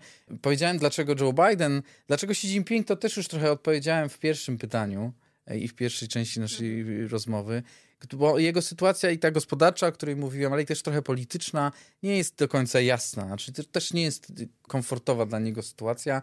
On też cały czas jest świadomy tego, że cały czas i gospodarczo, i militarnie, politycznie może najmniej, ale też musi ten potencjał chiński nadal budować. Tak? Nie, jest gotowy do tego, żeby w tym ogólnym planie strategicznym, nazwę to tak, rzucić wyzwanie Stanom Zjednoczonym. Tak? Docelowo to jest jakiś cel. Tak? Znaczy w dalszej perspektywie, pewnie nawet bardzo dalekiej, to jest jakiś cel chiński, ale nie teraz. Ja bym nawiązała może to, co mówi Marcin, do sytuacji wokół nas, czyli tak jak ja widzę tę ewolucję chińskiego podejścia. Mianowicie porażki rosyjskie na froncie i ten potencjał szkodzenia trochę się zawiesił albo osłabił w momencie, kiedy przed Rosją pojawiła się perspektywa nawet przegranej, to Chiny weszły w takie buty, co się określa albo spying diplomacy, albo panda diplomacy, czyli łagodzenia z kolei sytuacji dla Chin, czyli w momencie, kiedy Rosjanie nie osiągają swoich celów podstawowych, a podstawowym celem i Chin, i Rosji jest osłabienie Zachodu, no to Chiny muszą jakoś się zaadaptować do tej sytuacji. Zaczęły w ostatnim roku adaptować się w taki sposób, że miały kontakty i z Europą, i ze Stanami Zjednoczonymi, również trochę pokazując Rosji, że ona już ma te kontakty praktycznie zerwane. A Rosjanie, tak jak zaczęliście rozmawiać o tym, jaki to był rok dla Chin, to rok dla Rosji, ten, który mija, był lepszym niż poprzedni ale też nie był znakomitym. Natomiast jeżeli chodzi o front, to Rosja znalazła się w defensywie, ale w na tyle skutecznej defensywie, że zaczęto myśleć o tym, że Ukraina przegrywa tę wojnę i w kwestii narracyjnej, w kwestii wojskowej, nieudana kontrofensywa na froncie południowym wskazuje na to, że nawet jeżeli Rosja zostawi sobie jakiekolwiek terytoria na Ukrainie, które będą okupowane, to będzie przekute przez propagandę rosyjską, przez władze rosyjskie nie tylko jako zwycięstwo nad Ukrainą, ale zwycięstwo nad Zachodem. I to jest coś, co łączy Chiny i Rosję. Tak, i właśnie chciałam też do tego nawiązać, bo oba państwa dosyć otwarcie też podważają nie sam Zachód jako taki, ale w ogóle nawet instytucje międzynarodowe jako właśnie zachodniocentryczne, nie przystające do dzisiejszych wyzwań. No i właśnie, tak jak powiedzieliście, w ten sposób też próbują rzucić wyzwanie Zachodowi, tak bardziej powiedzmy na poziomie takim retorycznym, mówiąc często do państw globalnego południa, czy generalnie do państw spoza tej sfery, którą powiedzmy nazywamy Zachodem. Czy w tym kontekście możemy też patrzeć właśnie na poszerzenie BRICS-u na przykład? Tak, zdecydowanie to, co się stało w tym roku, czyli poszerzenie BRICS, takiej grupy, która już od 2009 roku była postrzegana jako taka alternatywa dla współpracy Zachodu, nie była nigdy postrzegana jako coś, co może zamienić obecny porządek. Ale to, co się udaje rzeczywiście i Rosji, i Chinom, to pokazać inną rzeczywistość, to znaczy taką rzeczywistość, w której państwa tak zwanego globalnego południa mogą się podpisać. I tutaj sytuacja dla nas bardzo niekorzystna. Na wybuch wojny między Hamasem i Izraelem, jest bardzo dobrą pożywką narracyjną i dla Chin, i dla Rosji, która pokazuje, że tutaj Zachód prowadzi podwójne standardy. W rosyjskiej propagandzie, akcentuje się ten element humanitarny tego, co dzieje się w Gazie. I z jednej strony podważają e, instytucje międzynarodowe takie jak ONZ, ale nie mówią tego, że zlikwidujmy ONZ, tylko mówią, prowadźmy państwa globalnego południa. I Władimir Putin używa bardzo takiego nowego pojęcia, czyli tak zwanego złotego miliarda. On sobie policzył, że ludność Zachodu to mniej więcej jest miliard. Z takim pytaniem retorycznym, no a dlaczego jeden miliard ma decydować o pozostałych miliardach, których jest większość? I Rosja i Chiny mają ten wspólny cel, żeby nawet jeżeli chodzi o ONZ, to poszerzyć to grono dyskutujących, debatujących i podejmujących decyzje, co ewidentnie wzmocni ich głos, bo mają i w państwach Ameryki Łacińskiej, i Afryce, i Bliskim Wschodzie takich sojuszników, bym powiedziała, partykularnych, którzy często z powodów antyamerykańskich, antyeuropejskich stawiają na rozwiązania czy Chin, czy Rosji. Dla nas, jako Zachodu, jest to bardzo niebezpieczna tendencja, która może wymodelować świat, w którym te państwa autorytarne, których jest nawet ilościowo więcej, będą miały decydujący głos w instytucjach międzynarodowych, regionalnych, różnych ugrupowaniach. Więc cały czas to jest moment, w którym my się określamy na świecie. Chińczycy zresztą właśnie w tym roku opublikowali naprawdę szereg dokumentów różnego rodzaju, mówiący o ich, oczywiście w bardzo propagandowy sposób, z użyciem chińskiej nowomowy i, i, i tak dalej, ale jednak określających, identyfikujących, definiujących podejście i do społeczności międzynarodowej, i do polityki sąsiedztwa, i w ogóle do polityki zagranicznej. Myślę, że około 10 tego typu dokumentów zostało opublikowanych. To, co w nich jest zawarte, to rzeczywiście jest w dużym stopniu to, o czym mówiła przed chwilą Agnieszka, e, mówiąc o Rosjanach. Ja jestem dość sceptyczny, jeśli chodzi o ten pewien sposób patrzenia na ten problem jako zagrożenie dla Zachodu, utraty globalnego południa. Tak? Znaczy, moim zdaniem jest to dość, Agnieszka wspomniała o partykularności. To, co robią Chiny, mówią, ale to, co pewnie też i robi Rosja, do pewnego stopnia, na pewno nie w sposób koordynowany, ale w jakimś sensie tożsamy.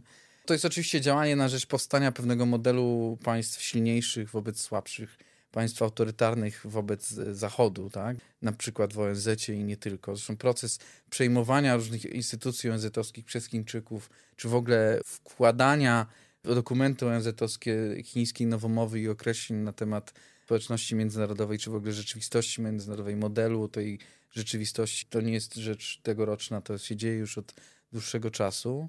No więc to, to jest pewien model jakiejś przewagi państw, zwłaszcza po stronie chińskiej, sposób myślenia, silniejszych nad słabszymi. Zresztą Chińczykom w historii parę razy chińskim przywódcom, politykom wymykały się tego typu stwierdzenia o tym, że państwa większe są ważniejsze niż te mniejsze. I jakby nie ma czym dyskutować, jest to rzecz oczywista tak? znaczy dla Chińczyków z tego punktu widzenia. Więc to jest raz. A państwa globalnego południa oczywiście, część z nich, bo to trochę nadużywamy chyba tego określenia. One są naprawdę bardzo zróżnicowane. Tak? Znaczy Argentyna czy państwa Azji Południowo-Wschodniej, no to są dwie różne sprawy czasami, bardzo często. Ale już zostając przy tym określeniu, one to wykorzystują dość partykularnie do swoich własnych interesów. Tak? Ja myślę, że w dużej części tam nie ma jakiejś wiary czy idei kryjącej się za tym, żeby tę rolę zwiększać. Tak? To jest raczej pomysł na to, żeby wykorzystać ten element chińsko-rosyjski, czasem tylko chiński, czasem tylko rosyjski. Myślę, że więcej raczej tylko chiński, znaczy tej relacji z Chinami, do tego, żeby powiedzieć Zachodowi, że mamy takie oczekiwania i tego od was chcemy. Znaczy, Bliski Wschód możemy wziąć też troszeczkę. Nie wiem, czy Arabia Saudyjska możemy ją wziąć jako państwo globalnego południa. No to ale, jest problematyczne. Tak, ale jeśli weźmiemy jej politykę wobec Chin, no to to jest to jakiś pewien element, no nie wiem, czy szantażu wobec Stanów Zjednoczonych na przykład. Na przykład w kontekście bezpieczeństwa. No? Znaczy, myślę, że dla Saudów oferta amerykańska dotycząca bezpieczeństwa byłaby dużo atrakcyjniejsza niż chińska. Jest to jakiś proces pewnego targowania się o uwagę Zachodu z wykorzystaniem relacji z Chinami. Tak? Nie tyle wiary w te koncepcje dotyczące zmiany modelu i tak dalej, większej roli państw globalnego południa, bo myślę, że no tu jakby nie ma większych, znaczy w zależności od modelu, jakie, systemu politycznego, jaki jest w tych państwach, bo to też uogólniam to bardzo, bo to, jak powiedziałem, jest bardzo zróżnicowane, ale w tym sensie to jest dla Zachodu lekcja, żeby nie ulegać do końca tej wizji, że należy tu koniecznie coś zmieniać i dostosowywać się do tego, co mówi na przykład globalne południe o wojnie Izraela z Hamasem. Tak? Znaczy, że tu niekoniecznie jest kwestia tego, żeby ulegać i zmieniać swoją politykę, ale żeby proponować konkretne rozwiązania, a przede wszystkim, żeby falsyfikować te tezy chińskie czy rosyjskie, które są w warstwie narracyjnej bardzo takie mówiące wiele o sprawiedliwości i o pokoju, stabilizacji i rozwoju świata, ale generalnie jest to przekaz o pewnej powstaniu nowej hegemonicznej wizji, tylko że ten hegemon będzie trochę inny niż wcześniej. To jest rozwiązanie. Tak, tak. No tam już wtedy chyba nie będzie nawet problemu z podwójnymi standardami, jeżeli chodzi o prawa człowieka, bo tych standardów no ja bym się nie spodziewała żadnych za no bardzo. Właśnie, więc to też jest często wymówka dla, dla niektórych reżimów, jakby pewien element polityki, uzasadnienia własnej polityki z wykorzystaniem wielkich haseł o zmianie rzeczywistości międzynarodowej, kiedy tak naprawdę nie chodzi wcale o te zmiany. Na koniec chciałam Was trochę zapytać o przyszłość. Czy moglibyście bardzo krótko podać jakieś trzy najważniejsze procesy, wydarzenia, które powinniśmy obserwować w przyszłym Chcesz roku. nas skompromitować troszkę, żeby ktoś nas sprawdził Taki za miałam rok. cel w tym podcaście. No dobrze, w Rosji. No w Rosji numerem jeden teraz są wybory prezydenckie 17 marca przyszłego roku. Kampania się już zaczęła. Mamy nawet kandydatkę, co prawda jeszcze nie zarejestrowaną, Jekaterinę Doncową, która postanowiła być kontrkandydatką do Władimira Putina. Oczywiście, jak to w Rosji, większość rzeczy jest ustalonych, natomiast no, zobaczymy, jak ten proces będzie wyglądał. Rosyjska opozycja na Zachodzie jest mocno skłócona, w jaki sposób postępować z tym zagadnieniem. Drugi element to oczywiście wojna. Rosyjska gospodarka się w mocnym stopniu przestawiła na takie tryby wojenne. 30% budżetu na armię i rzeczy obronne, bezpieczeństwa. Oczywiście rosyjski budżet to jeszcze ma tam dodatkowe rzeczy, to znaczy on część jest jawna i tam jest 30%, a to, co jeszcze jest ukryte na prowadzenie wojny, to my nie wiemy do końca co się tam dzieje. I procesy takiego globalnego wejścia Rosji, bo mam wrażenie, że Rosja przełamuje ten najtrudniejszy dla siebie moment, no to ciągłego testowania Zachodu. I w moim przekonaniu ten najbliższy rok będzie bardzo trudny dla Zachodu, żeby utrzymać jedność wokół Ukrainy w związku z wyborami w Stanach Zjednoczonych. Rosjanie będą bardzo mocno grać, więc będziemy rosyjską dezinformację, działania hybrydowe, propagandę testować w różnych państwach, a jednocześnie w różnych procesach demokratycznych, bo w przyszłym roku też mamy wybory do Parlamentu Europejskiego. A więc wybory, wojna, i ingerencja w Zachód to jest coś, co Rosja ma w planach na przyszły rok. Marcinie? Ja też zacznę od wyborów, paradoksalnie. Mhm. Chociaż oczywiście nie będzie ich w Chińskiej Republice Ludowej, ale będą na Tajwanie w styczniu za chwilę. I prezydenckie, i parlamentarne. I, i wynik tych wyborów będzie dość mocno oddziaływał na politykę Chin. Wokół cieśniny tajwańskiej i wokół Tajwanu. W tej chwili wygląda na to, że wygra prezydentem zostanie polityk partii, z której wywodzi się obecna pani prezydent czyli Demokratycznej Partii Postępu, co może oznaczać dalszą eskalację Pekinu wobec Tajwanu. W tej chwili z tych sygnałów, które Chińczycy wysyłają i mówią, to może nawet oznaczać pewien element utrzymania po prostu dalszej radykalnej polityki wobec Tajwanu. To zobaczymy, jaki to będzie miało efekt, jakie będą wyniki, ale to chyba będzie istotny element na początku roku, który oczywiście wpłynie nie tylko na relacje Tajwanu z Chinami, ale także na na relacje amerykańsko-chińskie i też na relacje unijno-chińskie, bo to jest istotne też z punktu widzenia Unii Europejskiej, co się będzie dalej działo w ciśnienie tajwańskiej i jaka będzie polityka Unii wobec Tajwanu i w związku z tym też wobec Chińskiej Republiki Ludowej, bo druga rzecz, którą bym wskazał, to jest właśnie kwestia relacji unijno-chińskich i tego, jakim stopniu i jak dalej, jaka będzie polityka Komisji Europejskiej, która kończy swoją kadencję w połowie roku. Będzie następna komisja pewnie na jesieni przyszłego roku. I, I na ile to, co obecna komisja proponuje, i na ile różnica w polityce państw członkowskich wobec Chin, a dokładniej wobec jakby ograniczania zależności od Chin, ryzyk związanych z relacjami Chin, głównie w sferze gospodarczej, ale nie tylko, właśnie dotyczących relacji chińsko-rosyjskich, na ile ta polityka będzie kontynuowana, to myślę też będzie istotne.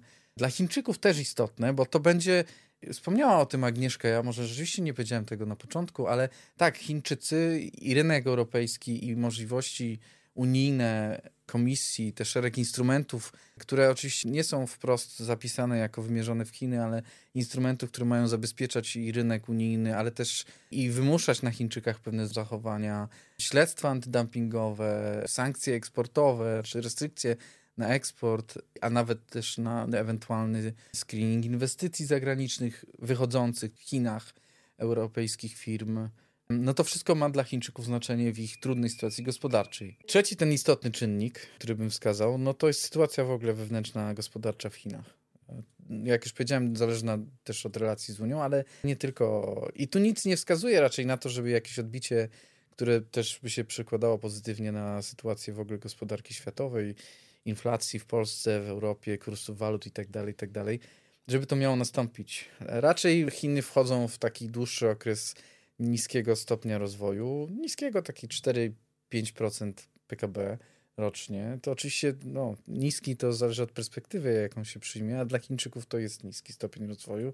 To jest przede wszystkim stopień rozwoju, który nie pozwala tak naprawdę na to, co oni by chcieli osiągnąć, na rozwój tych wszystkich potencjałów, na też stabilizację sytuacji społecznej, bo to ma wpływ. Mimo tego, że być może myślimy o Chinach jako takich, o komunistycznej partii Chin jako pewnym monolicie, a Xi Jinpingu jako przywódcy pokroju Mao Tse-tunga, lidera, kult jednostki i tak dalej. Nie. Daleki byłbym od stwierdzenia, że coś się w partii kipi i że tu możemy oczekiwać w 2024 roku jakiegoś buntu, jakiejś zmiany. Nie. Natomiast pewne elementy wskazują na to, że tam rzeczywiście dochodzi do pewnych procesów wynikających właśnie z tej trudnej sytuacji wewnętrznej, gospodarczej. Procesów, o których nie wiemy. Taki urok pracy analityka od Chin, że raczej więcej nie wie niż wie, ale będziemy chętnie obserwować. Bardzo Wam dziękuję. Spotkamy się za rok, będę Was rozliczać z tego. Tego się bałem. Dzięki jeszcze raz. Zapraszam oczywiście Dzięki Państwa do bardzo. zaglądania do tekstów Dzięki. Agnieszki i Marcina i w tym i w przyszłym roku. Depesza Pism. Kolejny blok rozmów naszego specjalnego wydania Depeszy dotyczyć będzie Unii Europejskiej. W studiu są ze mną Jola Szymańska, szefowa programu Unia Europejska w Polskim Instytucie Spraw Międzynarodowych. Cześć Jolu. Cześć, witam wszystkich serdecznie. I Melchior Szczepanik, szef brukselskiego biura pismu i także analityk do spraw instytucjonalnych Unii Europejskiej. Cześć Melchiorze. Cześć. Słuchajcie, wiem, że to, co powiem, jest dosyć e, takim zużytym otwarciem tego typu podsumowań, no ale jednak nie potrafię się powstrzymać i muszę powiedzieć, że to był ciekawy rok w Unii Europejskiej. Wydaje mi się, że jednak sporo się wydarzyło. Decyzja o otwarciu negocjacji akcesyjnych z Ukrainą uzyskana dzięki temu, że Viktor Orban wyszedł e, z sali. Pierwszy od 15 lat jakiś realny początek dyskusji na temat reform instytucjonalnych, które mają jakiekolwiek szanse w ogóle implementowania. Kwestia migracji, która powróciła. Wydaje mi się, że naprawdę sporo ten 2023 rok nam dostarczył i chciałbym dzisiaj z wami się zastanowić, co z tego wynika na przyszłość dla nas. Zacznijmy może właśnie od Ukrainy i od rozszerzenia. Przełomowy według niektórych szczyt grudniowej Rady Europejskiej. Co takiego wydarzyło się ważnego w trakcie tego szczytu? Melchiorze, czy możesz nam powiedzieć? Może nie powiedziałbym, że to aż przełomowy, na pewno ważna, ważna decyzja. Rada Europejska postanowiła o rozpoczęciu negocjacji akcesyjnych z Ukrainą i z Mołdawią. I to jest ważne dlatego, że Unia utrzymuje tę dynamikę, która się wytworzyła w zeszłym roku w ramach polityki rozszerzenia, czyli widać, że Unia nie zatrzymała się na przyznaniu Ukrainie i Mołdawii statusu państw kandydujących. Ta dynamika się utrzymuje. Komisja Europejska przedstawiła w listopadzie raport podsumowujący reformy, które wdrażały rządy Ukrainy i Mołdawii to był raport ogólnie rzecz biorąc pozytywny i państwa członkowskie poszły za rekomendacją komisji i postanowiły o rozpoczęciu negocjacji. To jest decyzja przede wszystkim o bardzo ważnym wymiarze symbolicznym, bo to jest sygnał dla Ukrainy, że Unia Europejska widzi dla Ukrainy miejsce wśród członków. Jest zdeterminowana, żeby Ukrainę silnie wspierać, więc myślę, że to jest taki mocny zastrzyk dla morale Ukraińców. To jest też sygnał dla Rosji, pokazujący determinację i pokazujący, że Unia nie rezygnuje z tej idei rozszerzenia na wschód. No i wreszcie to jest sygnał dla świata, który pokazuje, że te unijne zapowiedzi dotyczące ambicji geopolitycznych, ambicji wpływania na sprawy globalne, to nie są to jakieś właśnie czcze zapowiedzi, tylko to są poważne, poważne plany, które Unia realizuje, czyli nie zatrzymuje się tylko na planowaniu, ale też na realizacji. Więc tyle, jeśli chodzi o pozytywy, natomiast y, trzeba powiedzieć, że ta decyzja o rozpoczęciu negocjacji, która, tak jak powiedziałem, ma bardzo duży ładunek symboliczny i duży ładunek medialny, ona zamaskowała jednak inny fakt, mianowicie taki, że ten szczyt jednak był w znacznej mierze niepowodzeniem, to znaczy nie udało się państwom członkowskim porozumieć w sprawie rewizji wieloletnich ram finansowych, czyli wieloletniego budżetu Unii Europejskiej, a bardzo istotną częścią tej rewizji był duży pakiet pomocowy dla Ukrainy. No i nie udało się też porozumieć w kwestii dodatkowych pieniędzy na kwestie wojskowe, więc wielu rzeczy tutaj Rada nie uzgodniła i myślę, że to pokazuje pewien problem, który Unia ma już od dawna, mianowicie problem ze zdyscyplinowaniem członków, którzy nie przestrzegają w pełni wspólnych wartości i nie biorą pod uwagę w swoich działaniach interesów wspólnoty. Jasne, to do tego na pewno wrócimy wątku. Czy Unia Europejska chce sobie wypracować jakieś narzędzia, żeby takich właśnie kronomrnych członków dyscyplinować? Natomiast odchodząc już od samego szczytu, chciałbym się skupić na samym tym procesie rozszerzenia. I Jolu, pytanie do ciebie. Czy ty dostrzegasz, wiem, że dużo też jeździsz, spotykasz się w gronie eksperckim i nie tylko, ale też ludzi podejmujących decyzje. Czy ty wierzysz rzeczywiście w to, że jest to momentum dla rozszerzenia, w szczególności oczywiście dla Ukrainy? Wydaje mi się, że medialnie to jest przedstawiane tak dosyć optymistycznie. Natomiast spotykam się też z takimi głosami, które mówią, że to są tylko słowa, że po tym, co się wydarzyło w 2022 roku, no to ciężko, prawda, nie mówić takich rzeczy. Natomiast, że co do zasady stanowiska państw się nie zmieniły i że one są sceptyczne do rozszerzenia Unii Europejskiej. Jak ty to postrzegasz? Jest to momentum, czego nie ma?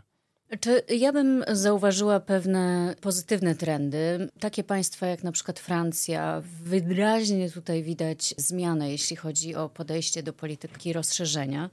Nawet w konkluzji z tego szczytu Rady Europejskiej znalazły się te stwierdzenia, które padają właściwie ze wszystkich stolic, że rozszerzenie jest tą geostrategiczną inwestycją w pokój, bezpieczeństwo, stabilność i dobrobyt i że musimy dbać o to, aby zapewnić właśnie tę taką stabilność w całej Europie, nie tylko w wąsko pojmowanej Unii Europejskiej, taką jaką znamy ją dzisiaj.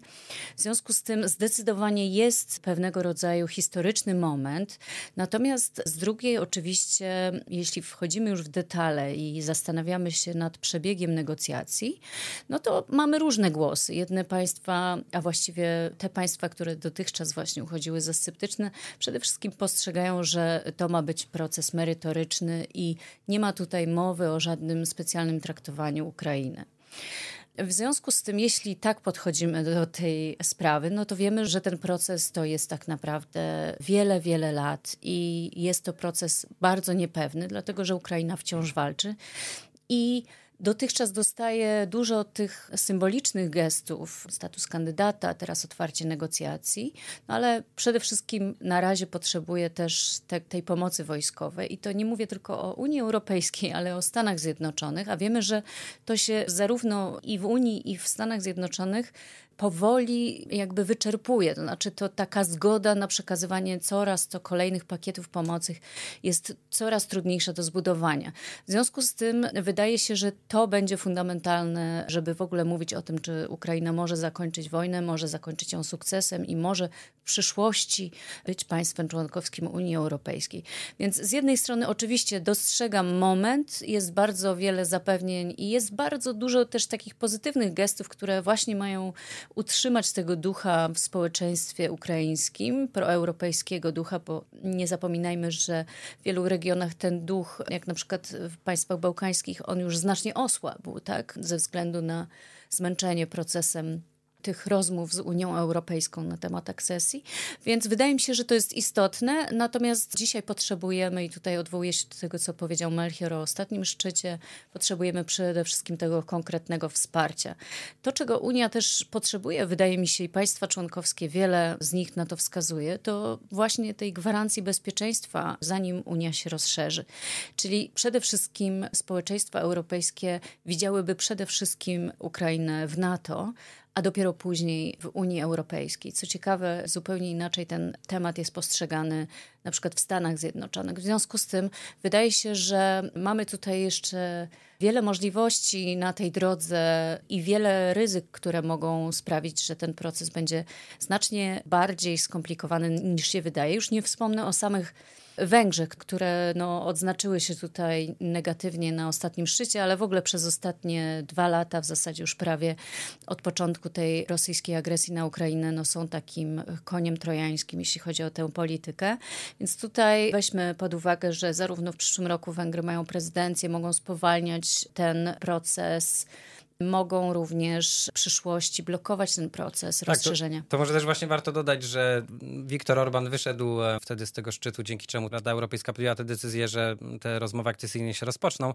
Natomiast wysocy urzędnicy węgierscy wprost jakby robili aluzję do tego, że tych możliwości użycia weta to będzie po prostu kilkadziesiąt. Każdy ten klaster negocjacyjny można wetować, można otwierać ponownie i tak dalej. Więc też taką linię argumentacyjną słyszałem, że to jest takie pyrrusowe zwycięstwo Ukrainy, że teraz o każdy rozdział negocjacyjny trzeba będzie walczyć.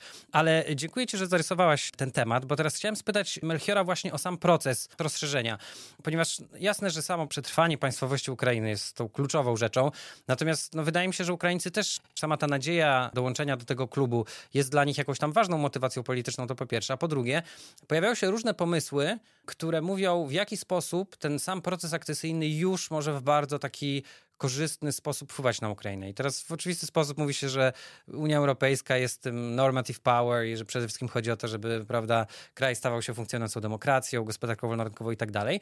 Natomiast pojawiały się też pomysły, jak już w taki bardzo konkretny, namacalny sposób finansowy ten proces można by było zreformować, żeby Ukraina już teraz miała motywację, żeby się reformować, żeby z tego korzystała. I teraz Melchiorze, ciebie chciałem zapytać, co to myślisz o takich pomysłach i czy możesz nam o nich chwilę opowiedzieć? Oczywiście to będzie proces czasochłonny. Prawo europejskie nie przewiduje jakiejś przyspieszonej ścieżki dochodzenia do członkostwa, ale też nie ma w prawie europejskim żadnego stwierdzenia, że negocjacje muszą zająć przynajmniej 5 czy przynajmniej 10 lat. Więc wszystko jest kwestią determinacji obu stron i woli politycznej po obu stronach. Dodam tylko, jeżeli mogę, że historyczne dane wskazują, że dotychczas średnio 9 lat zajmowało przyjęcie nowego kraju do Unii Europejskiej od momentu złożenia tej aplikacji, z czego 3,5 roku samo uzyskanie statutu kandydata, który Ukraina właśnie dostała no, w takim ekspresowym tempie. No właśnie, więc chociażby ten krót, krótki okres, który miał miejsce między przyznaniem statusu kandydata a decyzją o rozpoczęciu negocjacji akcesyjnych pokazuje, że sytuacja jest bezprecedensowa i możemy mieć nadzieję na to, że jeśli będzie po obu stronach wola polityczna, to te negocjacje będą przebiegały bardzo szybko. Chociaż oczywiście mm, z jednej strony te okoliczności można je nazwać sprzyjającymi, bo można odnieść wrażenie, że ta determinacja do reform po stronie ukraińskiej jest niezwykła. No, oczywiście też są i czynniki niesprzyjające, no bo jednak trudno reformować administrację, czy trudno przystosowywać firmy do działania w tym e, ekosystemie jednolitego rynku podczas trwającej wojny. I tutaj z obu stron konieczne jest, tak jak powiedziałem, determinacja i poszukiwanie jakichś innowacyjnych rozwiązań. Jeżeli chodzi o refleksję po stronie Unii Europejskiej, no to jest takie poczucie, że żeby właśnie uniknąć tego zmęczenia rozszerzeniem po stronie kandydatów, to trzeba stworzyć taką sytuację, w której te nagrody za reformy będą przyznawane szybciej. Dokładnie, no i właśnie o to chciałem cię zapytać, co o tym sądzisz, że taki pomysł tej gradualnej akcesji, że te rozdziały zamykacie, dostajecie ograniczony dostęp na przykład do rynku, te zamykacie, to dostajecie dostęp do Erasmusa i do Funduszu Horyzont i tak dalej, i tak dalej. Czy uważasz, że po pierwsze, to jest dobry pomysł, a po drugie, że państwa członkowskie by się na to zgodziły? Ogólnie rzecz biorąc, ja myślę, że pomysł jest dobry.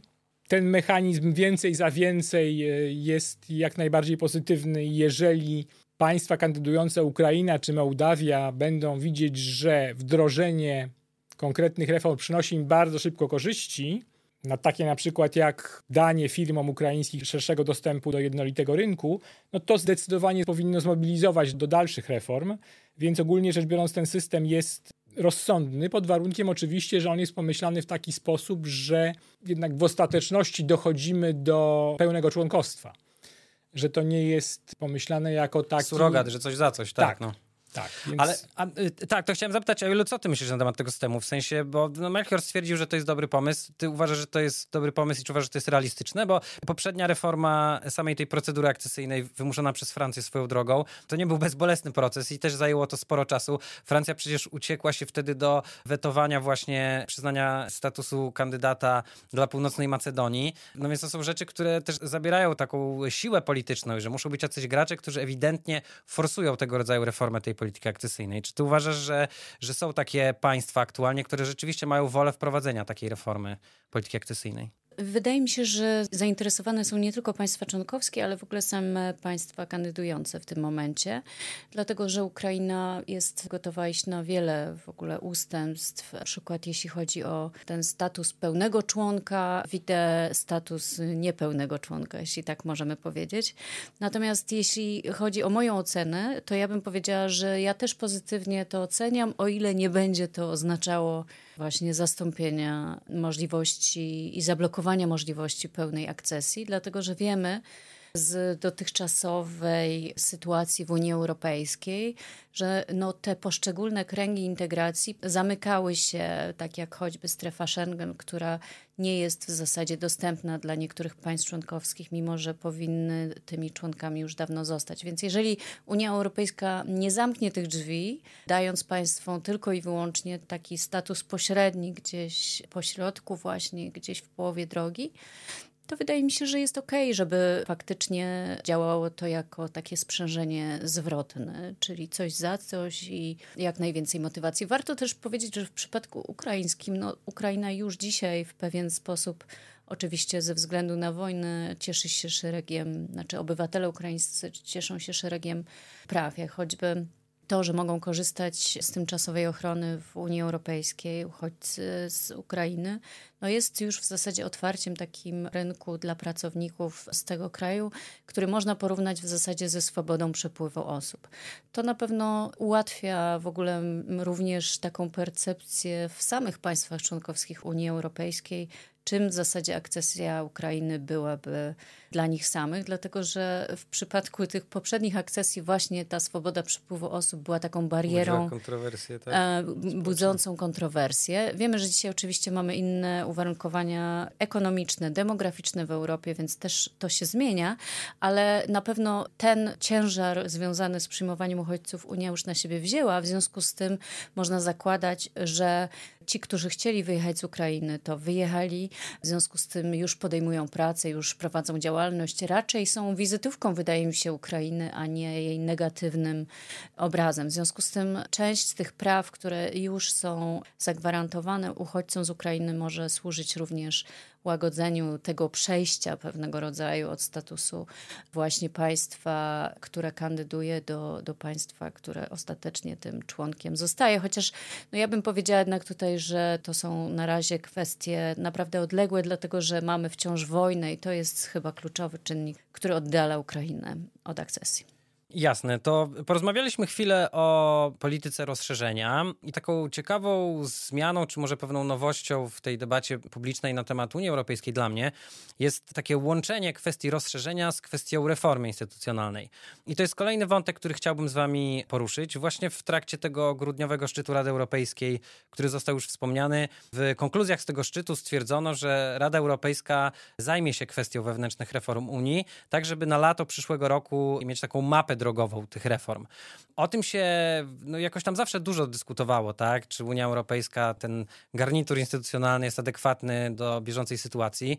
No i teraz wydaje mi się, że ta znacząca zmienna, jaką jest to, że jest realna perspektywa przyjęcia w jednego, a, a, tak naprawdę wielu nowych krajów członkowskich, no wymusza takie myślenie jednak perspektywiczne, tak? Czy na pewno te pomieszczenia, które mamy przygotowane na, prawda, 27 państw i te wszystkie zasady, czy one pomieszczą te dodatkowe państwa? Więc chciałem zapytać Melchiorze ciebie, czy możesz nam takie krótkie podsumowanie tej debaty na temat tego, co się postuluje, żeby zmienić i ewentualnie jakie tutaj są jakieś obozy, jeśli chodzi o zmianę instytucji Unii Europejskiej? No ja chciałbym przede wszystkim zacząć od takiego stwierdzenia, że debata o reformie Unii trwa już od ładnych paru lat i oczywiście ta nowa perspektywa rozszerzenia ją zdynamizowała, ale są politycy w Unii Europejskiej, którzy twierdzili, że Unia potrzebuje reform instytucjonalnych, niezależnie od tego, czy zamierza się rozszerzać, czy nie,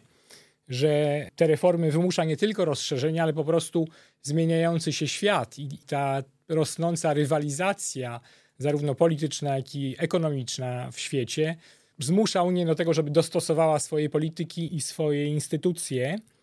Tutaj właśnie powiedziałbym, że nie chodzi tylko o zmiany instytucji, ale właśnie refleksję nad tym, czy polityki wspólnotowe w tym kształcie mogą funkcjonować. I też bardzo ważna kwestia, co zrobić z budżetem. Tak? Czy ta rozszerzona Unia, też Unia, która bierze na siebie więcej zadań, potrzebuje więcej środków finansowych, a jeżeli tak, no to skąd je wziąć?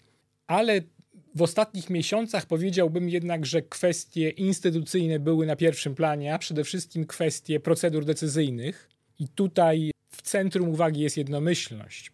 Jednak wydarzenia ostatnich miesięcy, przede wszystkim te przedłużające się negocjacje z Węgrami, które wykorzystywały jednomyślność, to znaczy wykorzystywały fakt, że kluczowe decyzje dotyczące wsparcia Ukrainy wymagały jednomyślności, w pewnym sensie szantażowały pozostałe państwa członkowskie, tak żeby starać się odblokować fundusze, które państwa członkowskie i Komisja Europejska zablokowały w związku ze stwierdzeniem naruszeń praworządności na, na Węgrzech. Te wszystkie wydarzenia i powiedziałbym, że kulminacją tych wydarzeń był właśnie szczyt Rady Europejskiej, kiedy już te, powiedziałbym, że te negocjacje z, z Węgrami no, przyjęły wymiar, powiedziałbym, niemalże kabaretowy. Orban był zapraszany przez prezydenta Francji na kolację, potem było śniadanie z przewodniczącym Rady Europejskiej, przewodniczącą Komisji, kanclerzem Niemiec. Niektórzy liderzy państw członkowskich zapowiadali, że jeżeli trzeba, to będą negocjować do świąt Bożego Narodzenia, więc ja odniosłem takie wrażenie, że to jednak nieco ośmiesza Unię Europejską, że Unia Europejska no, pokazuje się jako taki twór troszeczkę niesterowalny i że ten wymóg jednomyślności sprawia, że jedno państwo może wprowadzić Unię w tak daleko idące turbulencje i może szantażować pozostałe państwa członkowskie, więc... No właśnie, ale Melchiorze, jak mogę zapytać, bo oczywiście ja się zgadzam i widać bardzo jakby dysfunkcyjność tego mechanizmu na wielu polach, ale chyba trzeba jednak zaznaczyć, że no oczywiście Węgry są takim przykładem spektakularnym i przez wszystkim podawanym, natomiast tego mechanizmu używało, tak samo Francja używała, używały inne państwa, używało i Cypr. No naprawdę chodzi o to, że ciekawy jestem tego, że to jest mechanizm, z którego no, nie mówię mówię, że gdzieś tam w historii Unii każdy kraj kiedyś z niego skorzystał, ale może i tak było. Natomiast no, jest to mechanizm używany no jednak często przez wszystkich graczy, więc zastanawiam się teraz, bo jakby porozmawiajmy chwilę właśnie o tej zmianie tego mechanizmu głosowania jednomyślnego. Czy rzeczywiście istnieje realna perspektywa zmiany tego mechanizmu? Ja się zastanawiam, na ile właśnie fakt, że każde państwo, wiedząc, że ma takiego jokera metaforycznie w swojej talii, jest chętne go używać, na ile zrezygnuje z tak cennego instrumentu? Jolu, co, co ty no, sądzisz? Może warto zacząć od tego, że żeby tę reformę przeprowadzić, Potrzeba jest jednomyślność. Potrzeba tak, tak. jednomyślności. Tej jednomyślności nie ma i nie będzie. W związku z tym wydaje mi się, że o ile mieliśmy takie wzmożenie, zwłaszcza jesienią, dyskusji o instytucjach i reformach Unii, to nawet te projekty, które były dyskutowane, choćby raport francusko-niemiecki, który nieco miał wybadać stanowiska państw Unii Europejskiej, nawet on zakładał, że w tych konstytucyjnych sprawach jednak będziemy zachowywali jednomyślność. Więc wydaje mi się, że no nie ma takiego państwa, które dzisiaj powie, zrezygnujmy z jednomyślności tak w ogóle, tak, na rzecz kwalifikowanej większości. Przypuszczam, że nie byłoby takiego. Są państwa, które są w stanie odejść od jednomyślności w poszczególnych najczęściej drobnych kwestiach.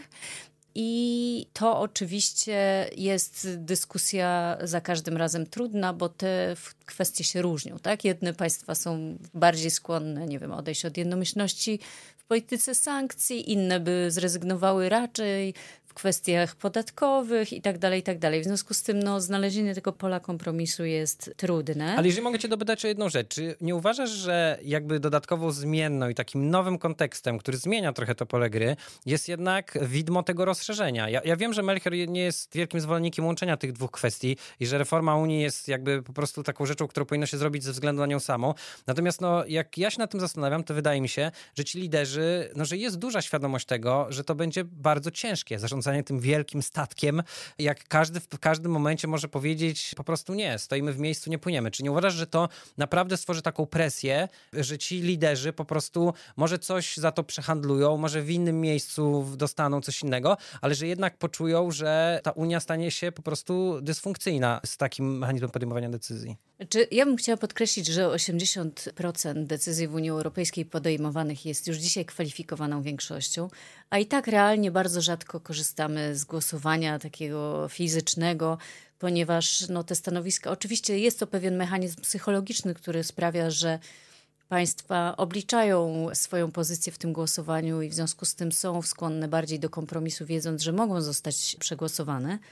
Więc ten psychologiczny mechanizm na pewno działa. Natomiast jednak we wszelkich kontrowersyjnych sprawach dąży się do jednomyślności, do tego konsensusu słynnego. No tak, to skutkuje najmniejszym wspólnym mianownikiem, czyli rozwiązaniem, które nie jest w żaden sposób odważne, czy właśnie stające na wysokości zadania, które jest jakimś mocnym, że tak powiem, zajęciem stanowiska, tylko bardzo często jest takim właśnie rozwodnionym, prawda, jeżeli chodzi o sankcje. No, mówię, jakby moment historyczny był taki, że szczęśliwie wydaje mi się, to jakby podwyższył się ten poziom, co to znaczy ten najmniejszy wspólny mianownik. No ale w takich ważnych, istotnych kwestiach kontrowersyjnych najmniejszy wspólny mianownik po prostu bardzo często się nie sprawdza chyba, prawda? Więc to jest ten argument, że...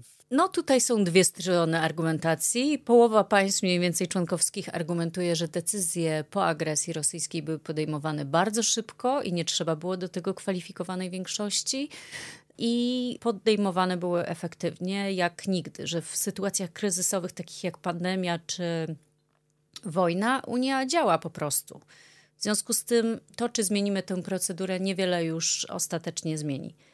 Także pytanie, czy właśnie te kwestie polityki zagranicznej są tym najbardziej istotnym elementem. Wydaje mi się, że można szukać pewnych kompromisów na podstawie traktatu z Lizbony. Melchiorze, a ty jak uważasz? Czy widzisz jakąś realną możliwość tego, że ta reforma będzie miała miejsce i że uda się znaleźć jednomyślność dla tego, żeby zmienić tę metodę podejmowania decyzji w Unii? Ja mam wrażenie, że to, co się działo w ostatnich miesiącach, więc właśnie te problemy związane z jednomyślnością, a właściwie z nadużywaniem jednomyślności, tak, czy używaniem tej zasady w złej wierze przez Węgry, to sprawiło, że ta grupa państw, która jest gotowa do rezygnacji z jednomyślności w niektórych kwestiach, się zwiększa i że ta zasada jednomyślności jest oceniana coraz bardziej krytycznie.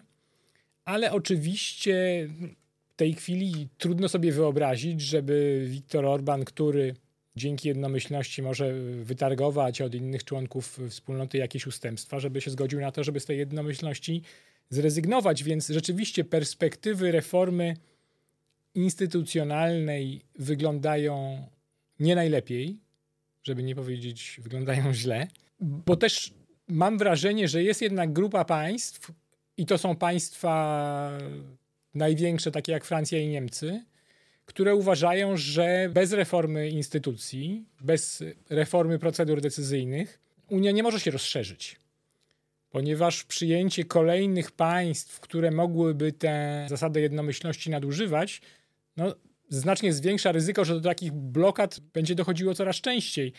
No, wyobraźmy sobie, co się stanie, jeśli kolejny szczyt Rady Europejskiej, zapowiedziany na 1 lutego, jednak nie doprowadzi do przełomu w negocjacjach budżetowych i Viktor Orban uzna, że cały czas będzie blokował fundusze dla Ukrainy. Wtedy państwa członkowskie będą musiały stworzyć jakiś system pozaunijny, jeżeli tak się stanie, no to może grupa państw członkowskich dojdzie do wniosku, że inne rzeczy należy robić poza Unią Europejską i tutaj mamy receptę jednak na dość poważny kryzys.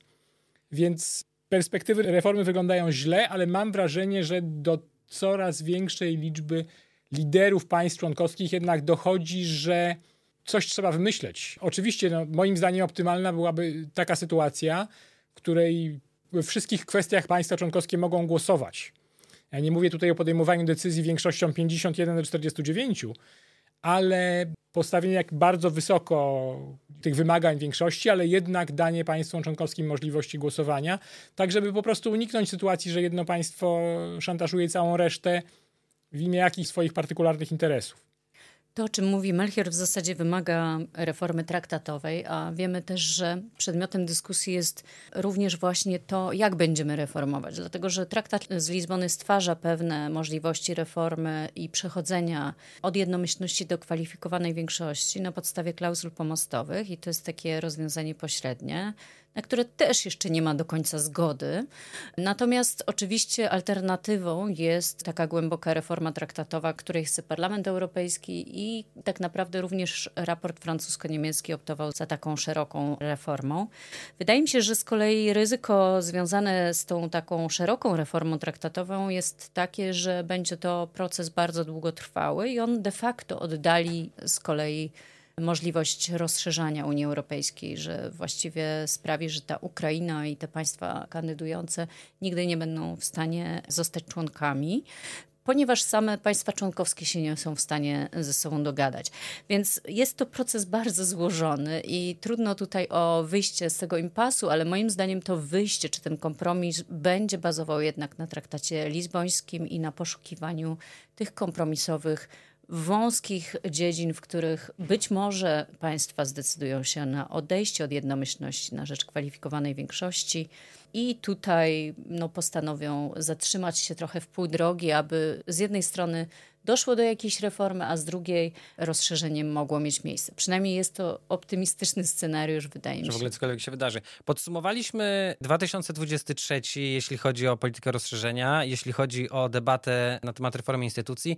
I na sam koniec chciałem porozmawiać chwilę o migracjach. Ja mam takie poczucie, jakby trochę znowu był 2015 rok. To znaczy temat migracji wraca na taką agendę polityczną, jest coraz ważniejszym tematem, jeśli chodzi o właśnie budowanie pozycji politycznej politycznej. No nawet myślę, że można by było się pokusić o takie stwierdzenie, że są już partie, które jakby ponownie wygrywają wybory dzięki właśnie stawianiu tej kwestii migracji gdzieś tam w centrum tego swojego programu politycznego. Więc chciałbym cię zapytać, jak ty to postrzegasz i jak mają się do tego działania Unii Europejskiej? To znaczy, wiemy, że Parlament Europejski porozumiał się z Radą w sprawie nowego paktu migracyjnego i azylowego, więc czy możesz powiązać te dwie kwestie? To znaczy, po pierwsze, co jest w tym pakcie, dlaczego to jest ważne, a dwa, właśnie, czy rzeczywiście stanowi to adekwatną odpowiedź na te wyzwania migracyjne, które przed nami stoją i które będą no, jeszcze gorsze ze względu na zmiany klimatyczne, które nas czekają. Ja bym rozpoczęła swoją odpowiedź od takiego sformułowania, że na szczęście nie mamy do czynienia z 2015-16 rokiem, ponieważ jednak statystyki migracyjne 2023 są znacznie bardziej optymistyczne niż te, z którymi mieliśmy do czynienia w 2015-16 roku, przynajmniej jeśli chodzi o kwestię nieuregulowanej migracji. W związku z tym oczywiście zjawisko migracji się nasiliło, ponieważ po okresie pandemii, ponieważ y, przez kilka lat mieliśmy do czynienia z wyciszeniem i oczywiście są miejsca, szlaki unijne, gdzie punktowo mamy do czynienia z kryzysami, natomiast to nie jest w takim ogólnym rozumieniu tak zdefiniowany kryzys migracyjny, z jakim mieliśmy do czynienia w 2015 2015 roku, ponieważ wówczas był to nie tylko kryzys humanitarny, ale w ogóle kryzys ogromny polityczny, który również na inne polityki unijne się przełożył. Natomiast jeśli chodzi o poszukiwanie rozwiązań kryzysowych, to właściwie można powiedzieć, że wracamy do tego 2015-16, ponieważ unijni liderzy pracowali w tym roku nad pakietem migracyjno-azylowym, który właściwie w dużej mierze nawiązuje do tych rozwiązań. Dlatego, że w czerwcu tego roku po raz pierwszy zaczęliśmy mówić ponownie o przełomie pracach nad pakietem migracyjnym, kiedy to doszło do porozumienia między członkami Rady Unii Europejskiej. Problem polegał na tym, że porozumienie to było przegłosowane większością kwalifikowaną przez sprzeciwy Polski i Węgier, przy czym... Pols... Ponieważ, co warto podkreślić, w kwestiach migracyjnych decyzje podejmowane są właśnie większością kwalifikowaną, a nie przez jednomyślność. Tak, formalnie są podejmowane kwalifikowaną większością, natomiast w 2018 roku na szczycie zadeklarowano, że w kwestii rozporządzenia dublińskiego nie zostanie użyta kwalifikowana większość, tylko ta decyzja zostanie przyjęta w drodze konsensusu. To tylko doprecyzujmy w takim razie, czym jest rozporządzenie dublińskie. Rozporządzenie dublińskie jest to rozporządzenie, które reguluje, które państwo Unii Europejskiej jest odpowiedzialne za rozpatrzenie wniosku azylowego złożonego przez osobę, która przybywa na terytorium Unii Europejskiej. Ono co do zasady ma zapewnić, że jedna osoba nie będzie składała wniosków azylowych w wielu państwach, aby, nie wiem, ułatwić sobie po prostu pozytywną decyzję w tej sprawie, czyli uniknąć takiej sytuacji dublowania składania tego wniosku. Podstawową zasadą jest to, że jest to pierwsze państwo, do którego dana osoba przybywa, co oczywiście w sytuacjach kryzysu, kiedy mamy najczęściej do czynienia z osobami, które przybywają po raz pierwszy, nie mają żadnej historii migracyjnej w Unii Europejskiej, najczęściej właśnie odpowiedzialność spada na te państwa pierwszej linii, państwa frontowe.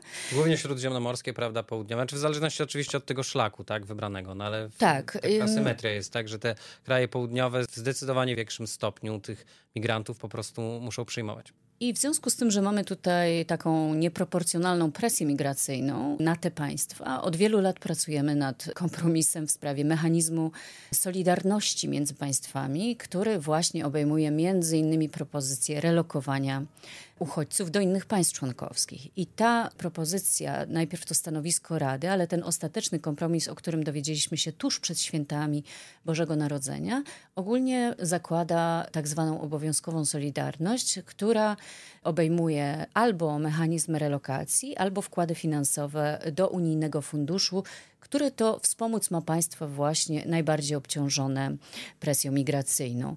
W związku z tym na pewno nastąpiło przyspieszenie tych prac, ponieważ już mówimy o wstępnym porozumieniu, ale jeszcze ten etap finalny, czyli głosowanie i ostateczne przyjęcie rozporządzenia tutaj nie nastąpiło. Natomiast na pewno bardzo intensywnie toczyły się te prace i ambicją instytucji unijnych jest, aby zakończyć ten proces do wyborów 2024 roku, czyli przed wyborami właśnie do Parlamentu Europejskiego, przed końcem tej kadencji. Natomiast jeszcze w najbliższych tygodniach te prace będą się toczyć. Dodam tylko, jeśli mogę, że w międzyczasie również państwa indywidualnie pracowały nad takim zewnętrznym wymiarem kwestii migracyjnych, próbując na przykład przekonać inne państwa, w tym Albanię, do tworzenia na jej terytorium centrów, w których procedowane byłyby wnioski azylowe. I tutaj jesień przyniosła nam taką wiadomość o tym, że właśnie rząd włoski porozumiał się z Albanią, że takie ośrodki będą tworzone. Jest to też pomysł nie nowy, wielokrotnie już się powtarzał w pomysłach Unii Europejskiej, nigdy nie został realnie wdrożony w życie. W związku z tym, jakby pakiet migracyjny to jest jedna kwestia, nad którą pracujemy i która gdzieś tam widać pewne światełko w tunelu, natomiast indywidualne wysiłki państw członkowskich na rzecz również tego zewnętrznego wymiaru również się pojawiają. Tutaj sama Unia Europejska również pracowała w tym roku nad tym, żeby choćby zacieśnić współpracę migracyjną z Tunezją, aby ograniczyć migrację. No właśnie o to chciałem też zapytać już na taki naprawdę sam koniec, dlatego że właśnie wspomniałaś o tym pakiecie i to jest jedno z takich narzędzi, które Unia chce sobie stworzyć, żeby móc sobie radzić z tym e, napływem e, migrantów. Natomiast no jest też kwestia właśnie tych działań takich zewnętrznych, tak, że od tego 2015 roku Unia podpisała szereg tych takich dwustronnych porozumień z no, państwami, z autokracjami po prostu, tak, którym płaci pieniądze de facto za to, żeby oni zatrzymywali tych migrantów na swoim terytorium. I zastanawiam się nad tym, jak ty to oceniasz, że no jakby z jednej strony coś, co z takiego etycznego punktu widzenia wydaje mi się naprawdę mocno kontrowersyjne, że płacimy, no nie wiem, no, autorytarnym przywódcom po to, żeby oni to naprawdę nie spełniając standardów naszych unijnych, prawda, blokowali te migracje. I to nie do końca skutkuje tak, jakbyśmy chcieli, to znaczy nadal ta migracja jest i myślę, że będzie nadal silniejsza. Jeszcze, tak jak już wspomniałem, ze względu na te zmiany klimatyczne. I teraz jedyne, co przywódcy unijni są w stanie przez wiele lat negocjacji stworzyć, to jest właśnie takie małe narzędzie, które zakłada te relokacje, może jakaś kwestia pieniędzy. Czy ty uważasz, że to jest adekwatne narzędzie? Wiem, że to jest trochę retoryczne pytanie, a jeśli nie, to czy jest jakakolwiek perspektywa tego, że takie narzędzie z prawdziwego zdarzenia powstanie w ogóle? Czy są jakieś pomysły na ten temat? Właściwie zarówno po kryzysie 2015, jak i dzisiaj wciąż bazujemy na tych samych pomysłach, czyli staramy się z jednej strony jako Unia Europejska wzmocnić ten zewnętrzny wymiar polityki migracyjnej, z drugiej jednak budujemy ten wymiar wewnętrzny, a przynajmniej negocjujemy wciąż pakiet, który ma ten wymiar wewnętrzny e, zapewnić. I doświadczenia są takie, jakie są. Mamy sąsiedztwo niestety trudne, to znaczy nie dość, że jest ono bardzo niestabilne i w samym bliskim sąsiedztwie toczą się Unii Europejskiej konflikty i mamy rządy autorytarne, To wszystko oczywiście utrudnia nam tę współpracę, natomiast oczywiście musimy wziąć pod uwagę, że politycy państw członkowskich również odpowiadają przed swoimi wyborcami, którzy oczekują, że radykalnie obniżą się statystyki migracyjne i że Unia odzyska tę kontrolę. Więc od wielu lat w zasadzie zmierzamy w kierunku budowania tej europejskiej twierdzy, ale wydaje się, że y, to budzi coraz mniejsze kontrowersje. To znaczy, wydaje się, że coś, co właśnie jeszcze w 2015 roku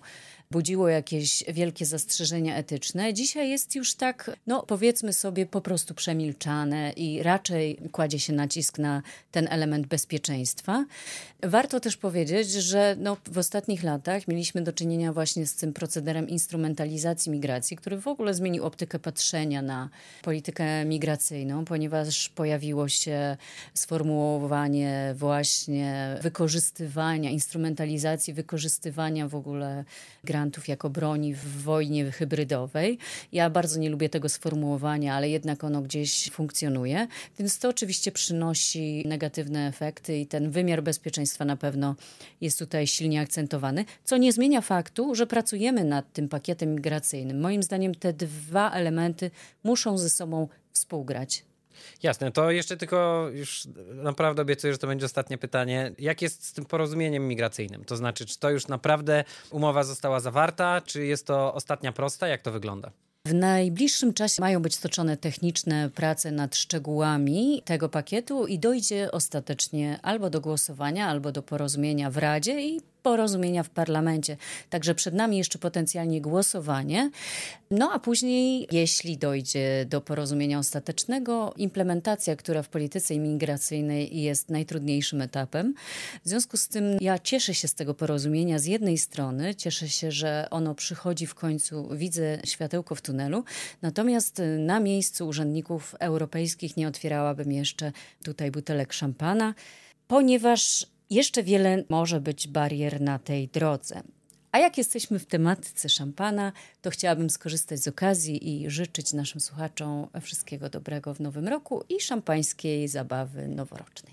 Wielkie dzięki, ale myślę, że wszyscy tutaj w Depeszy, czyli Sara Nowacka i Natalia Radulska, też się do tych życzeń dołączamy. Także jeszcze raz wszystkiego dobrego dla naszych słuchaczy i dziękuję Wam obojgu, Jolu, Melchiorze, za to bardzo ciekawe podsumowanie 2023 roku w Unii Europejskiej. Dzięki za rozmowę.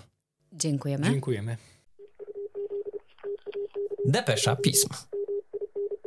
W czwartej części naszego podsumowania roku porozmawiamy o globalnym południu z Jędrzejem Czerepem, naszym ekspertem do spraw państw afrykańskich. Cześć Jędrzeju. Witam.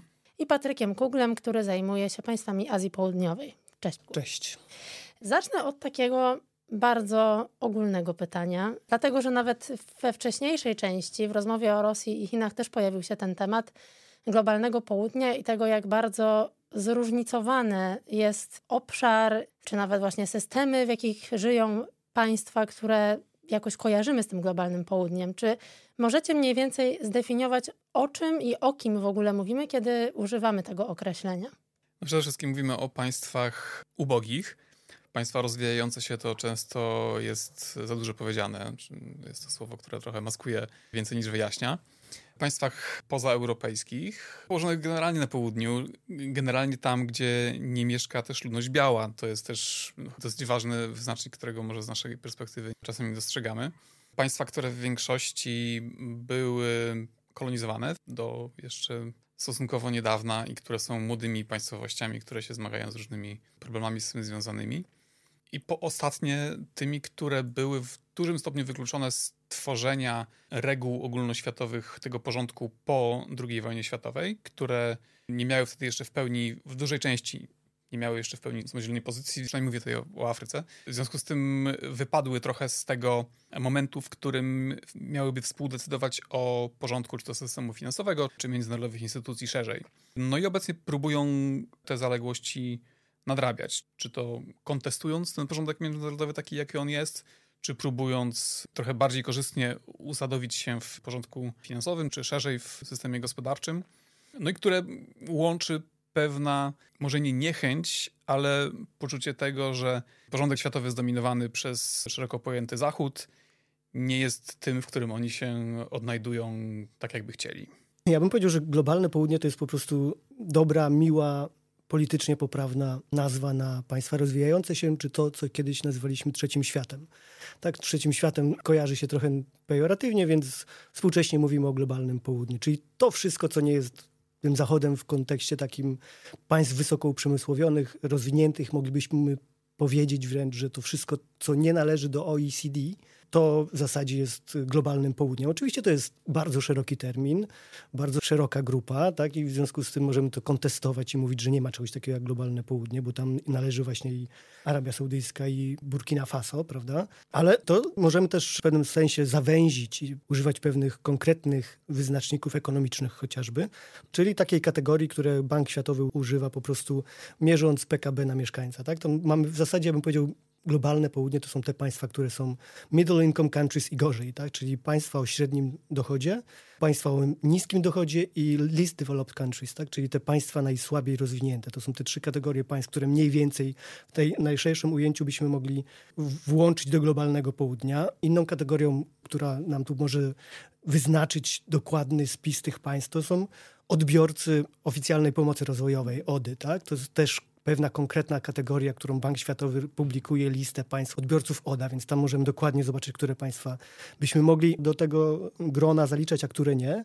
Ale też to ma wymiar polityczny. Tak? To są po prostu państwa, tak jak Jędrzej mówił, które no, jakoś pozycjonują się w opozycji do tego globalnej północy, tak? czyli do, właśnie do, do Europy, do państw wysoko rozwiniętych. Ja myślę, że to świetnie widać po prostu w głosowaniach różnych na forum Organizacji Narodów Zjednoczonych. I dla mnie ostatnim takim wyznacznikiem, niedawnym, najnowszym tego, co formuje globalne południe, było głosowanie w Zgromadzeniu Ogólnym ONZ-u w zeszłym miesiącu na temat rozpoczęcia negocjacji, na temat konwencji dotyczącej podatków, tak, uregulowania tego zakresu współpracy międzynarodowej. I tam mieliśmy 125 państw, które poparły tą konwencję, 48, które były przeciwko i tam kilka się wstrzymało, prawda? Te 48 to jest właśnie OECD, tak? czyli państwa wysoko rozwinięte w Europie, w Ameryce Północnej, Australia, Japonia, prawda? te najbogatsze państwa, a 125 państw rozwijających się, czyli właśnie globalnego południa, chciało takich rozmów na temat uregulowania tego,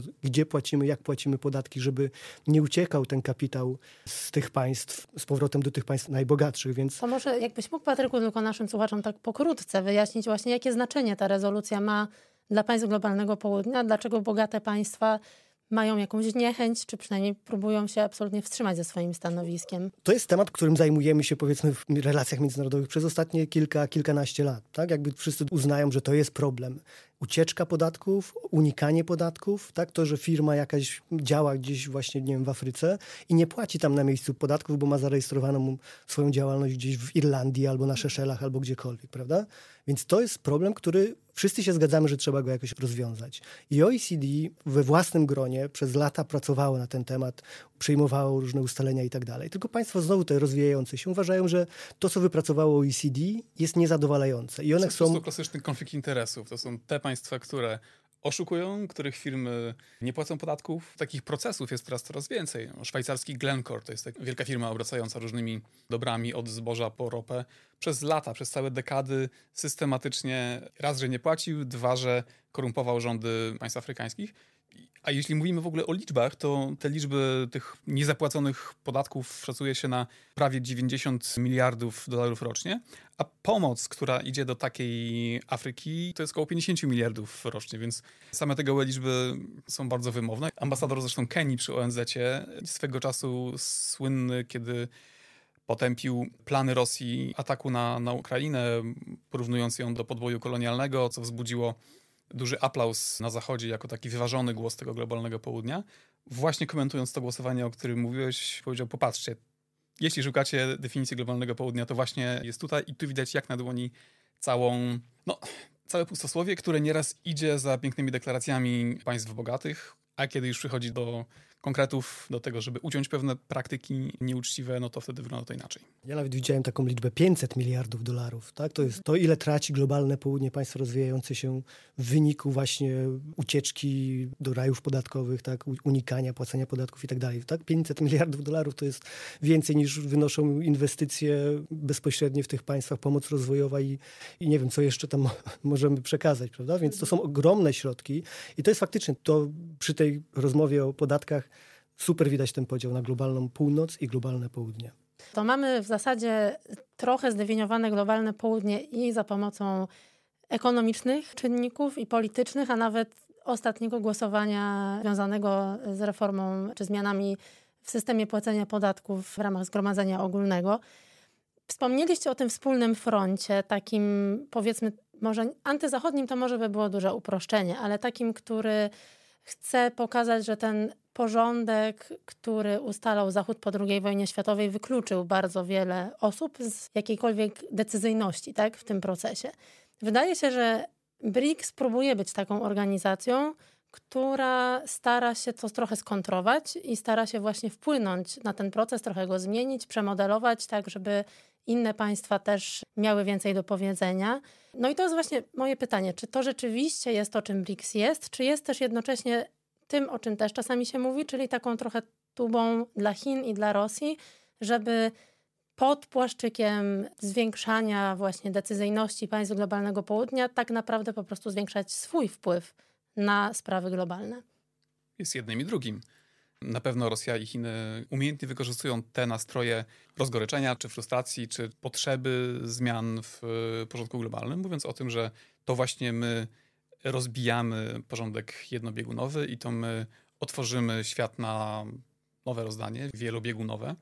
Bardzo to jest pojemne pojęcie i trudno powiedzieć dokładnie, co to oznacza.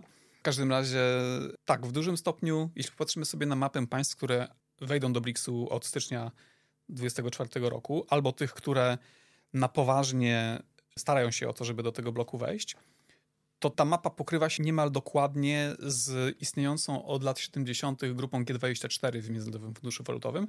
To była, krótko mówiąc, grupa państw globalnego południa, która no, zebrała się po to, żeby lobbować na rzecz własnych interesów czy własnej perspektywy w negocjacjach o reformie systemu finansowego. Niewiele uzyskała, ale w gruncie rzeczy mamy cały czas tą samą pozycję wyjściową. Mamy pewne aspiracje, które w dotychczasowych formatach nie udało się zrealizować. No w związku z tym pojawia się jakiś kolejny, pojawia się więc pewna no, myśl o tym, że może tą drogą się uda to samo osiągnąć. Nie wylewałbym tak do końca dziecka z kąpielą z tym BRICS-em. To nie jest tylko tak, że wszyscy zachwycili się polityką rosyjską czy rosyjskim wiem, modelem przywództwa. To oczywiście też jest. Rosja jest skuteczna w promowaniu własnego wizerunku na globalnym południu, ale też ten najnowszy ruch, który widzimy w, w kierunku poszukiwania czegoś innego, czegoś alternatywnego, no, wynika z tych doświadczeń historycznych, które mają swoje uzasadnienie. Ja bym dodał, że te państwa jak Rosja, Chiny, Indie, prawda, jakby one umiejętnie wykorzystują istniejące resentymenty i aspiracje w tych państwach globalnego południa i przejmują rolę adwokata tych ludzi, tych państw, tych podmiotów, które są pozbawione głosu i wpływu na sprawy międzynarodowe. W związku z tym BRICS jest dzisiaj najsilniejszą siłą rewizjonistyczną porządku międzynarodowego, przeciwko Zachodowi, który ten porządek ustalał, który ustalał reguły i państwa BRICS-u, tak jak państwa globalnego południa, mówią, dlaczego my mamy respektować te zasady, przy których ustalaniu nie braliśmy udziału. Tak? To są zasady, które faworyzują państwa wysoko rozwinięte. To były zasady pisane przez Stany Zjednoczone i partnerów europejskich po II wojnie światowej, które nie odzwierciedlają współczesnego kontekstu, aspiracji potrzeb i wyzwań, z jakimi się borykają najbiedniejsi. I dlatego, że ten system jest tak negatywnie i niesprawiedliwie skonstruowany, to te państwa rozwijające się są biedne. Tak? I nie mogą tego zmienić w ramach istniejącego systemu, który służy interesom tych najbogatszych.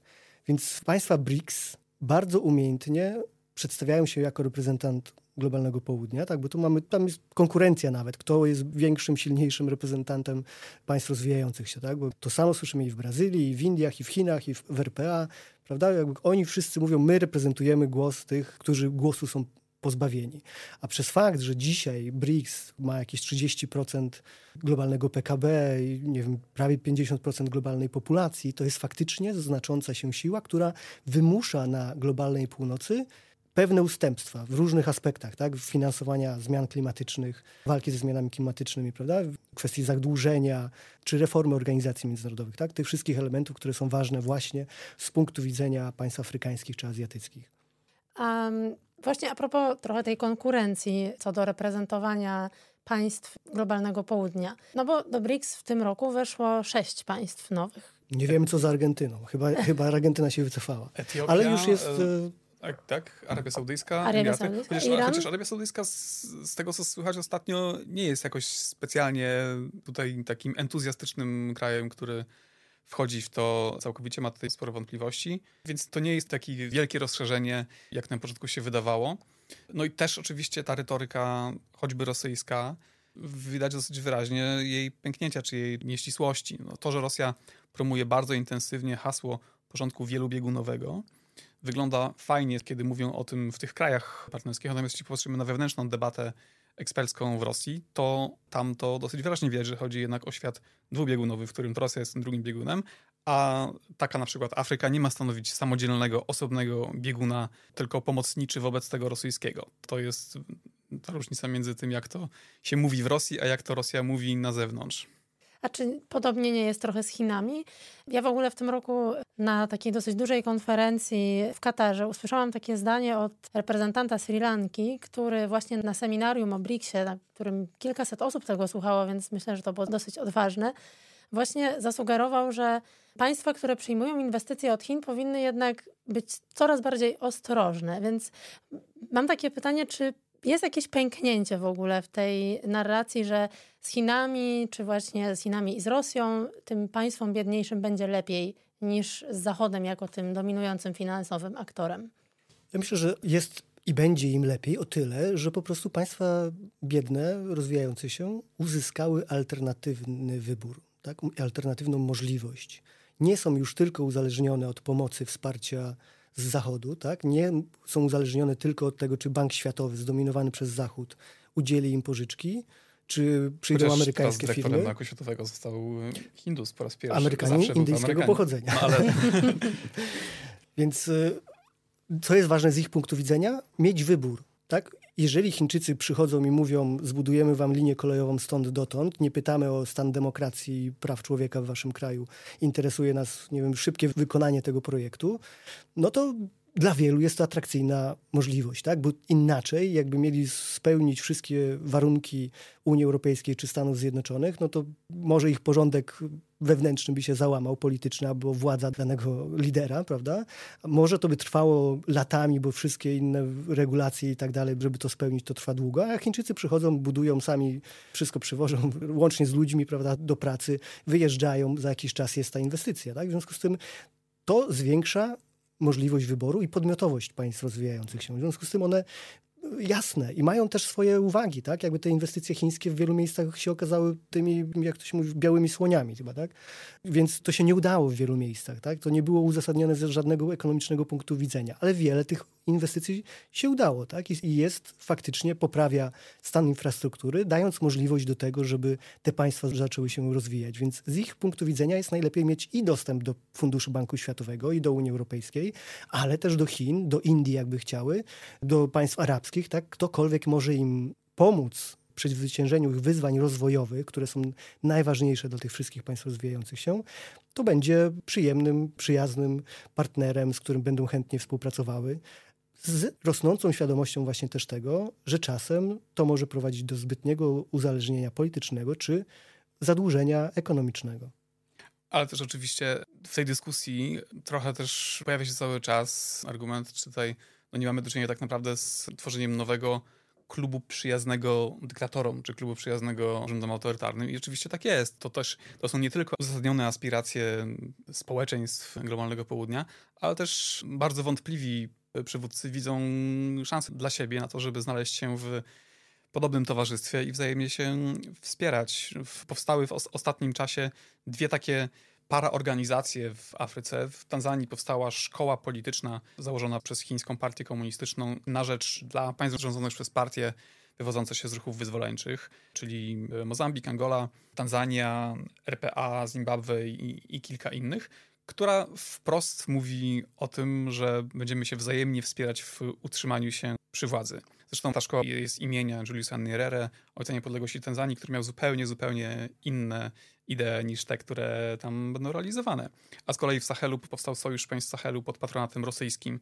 Burkina Faso, Mali i Niger państwa, które są rządzone przez hunty, przez hunty o bliskich relacjach z Rosją, które mają się wzajemnie wspierać wojskowo, co już widzimy w przypadku Mali i które mają wzajemnie kontrolować przestrzeń informacyjną. Więc i pod patronatem chińskim, i pod patronatem rosyjskim powstają już gdzieniegdzie takie regionalne zgrupowania wzajemnej pomocy państw autorytarnych, które będą dbały o to, żeby utrzymać się przy władzy. Też, no, umówmy się, ten BRICS to nie jest też znowu jakaś rewolucja światowa, to jest bardziej nazwanie zmian, które i tak już się dokonały. To, to co Patryk mówił o tym, że państwa globalnego południa inaczej niż 30 lat temu mają coraz szerszy wybór ofert, jakie pojawiają się na ich stole, czy partnerstw. W dużym stopniu po prostu jest to pewne ujęcie tych przemian, które i tak na tym globalnym południu się już dokonują. Myślę, że to jest dla nas jedna konkluzja jest taka, że to oznacza, że Zachód stracił monopol na porządkowanie świata. Prawda? Chińczycy w tej części świata, Rosjanie tutaj. No, ten świat się stał bardziej skomplikowany. Tak? Jakby te państwa rozwijające się nie są uzależnione już tylko od Zachodu. Mają innych partnerów, czy w zakresie bezpieczeństwa, czy współpracy politycznej, czy gospodarczej. W związku z tym dla nas, z naszego punktu widzenia jako członków Zachodu, świat się stał mniej przyjazny, trudniejszy. Tak? My już nie możemy wziąć za pewnik, jak się zachowają dane państwa na przykład w głosowaniach w ONZ, o czym się przekonaliśmy boleśnie chyba w pewnym momencie, przy okazji wojny w Ukrainie, prawda, i agresji rosyjskiej, gdzie nie wszystkie państwa globalnego południa poparły, powiedzmy, tutaj niepodległość Ukrainy i, i potępiły Rosję, prawda. Więc to też był element tego, tej emancypacji globalnego południa, państw, które powiedziały nie, my nie chcemy się tutaj opowiadać po żadnej ze stron w tym konflikcie, my chcemy być podmiotowi, my chcemy sami sobie decydować, jak się zachowamy, tylko i wyłącznie w oparciu o nasze własne interesy, a nie oczekiwania naszych partnerów i sojuszników. To teraz jeszcze a propos właśnie tych alternatyw dla państw globalnego południa, zanim przejdziemy do przewrotów, o których już wspomniałeś, Andrzeju, bo to też bym chciała poruszyć właśnie to, co się dzieje w Sahelu. W tym roku mieliśmy indyjską prezydencję G20, gdzie na ostatnim szczycie rzeczywiście jakby zgodzono się co do tego, żeby może zainicjować jakieś reformy właśnie w systemie finansowym, czyli w Banku Światowym, w Międzynarodowym Funduszu Walutowym, to się miało dziać do grudnia tego roku. Czy możesz ocenić jakieś postępy w tym kierunku rzeczywiście? Niewielkie są postępy, poza tym, że dalej rozmawiamy, że ta presja jest coraz większa. To jest dyskusja, która się toczy od wielu, wielu lat, na którą my jako Zachód, znowu nie wiem, Stany Zjednoczone czy Unia Europejska, nie zwracaliśmy dość dużej uwagi w ostatnich latach, no bo nie było tej masy krytycznej po stronie naszych partnerów. Tak? Ta presja była za mała wzrost gospodarczy i polityczny i ta emancypacja globalnego południa zwiększa tą presję. I państwa takie jak Indie czy dzisiaj Brazylia, która przewodniczy G20, tak, to spowoduje, że ten głos globalnego południa, ta presja na reformę instytucji międzynarodowych jest coraz większa. Zresztą Indie właśnie też wykorzystały przewodnictwo w G20, mówiąc, że prawda, to my jako też członek globalnego południa będziemy waszym głosem i położymy kwestie dla was ważne na stole gdzie najsilniejsi tego świata się spotykają. Tak? My będziemy pomostem między właśnie tymi rozwijającymi się państwami, a rozwiniętymi, między południem a północą. Zresztą nie bez powodu Indie zaczęły swoje przewodnictwo w G20, organizując taką konferencję pod tytułem Voice of Global South, tak? czyli same używają też tego pojęcia, tak? że one chcą być głosem globalnego południa, na którym udział wzięło 125 państw. To mniej więcej znowu nam się ta liczba pojawia, tak, tak samo jak w głosowaniach w ONZ bardzo często. Więc Indie cisnęły ten temat, że tak powiem kolokwialnie, tak? Jakby stawiały go na agendzie. Są małe jakieś ruchy, że znowu będzie nowe rozdanie tych takich kwot w ramach Międzynarodowego Funduszu Walutowego, gdzie zwiększy się udział w głosowaniach państw rozwijających się, tych wschodzących gospodarek. Ale to są bardzo małe kroczki, tak? Zresztą tam było kilka innych ważnych rzeczy, które Indie postawiły na agendzie, które są ważne dla globalnego południa. Chociażby oddłużenie państw rozwijających się, chociażby realizację milenijnych celów rozwoju, które są no, kluczowe dla państw rozwijających tak, się. Tak, ty pisałeś, że tylko 12% z celów jest realizowanych zgodnie z harmonogramem. Tak, cała reszta jest opóźniona. No, mieliśmy pandemię COVID-19, która opóźniła wszystko. Tak?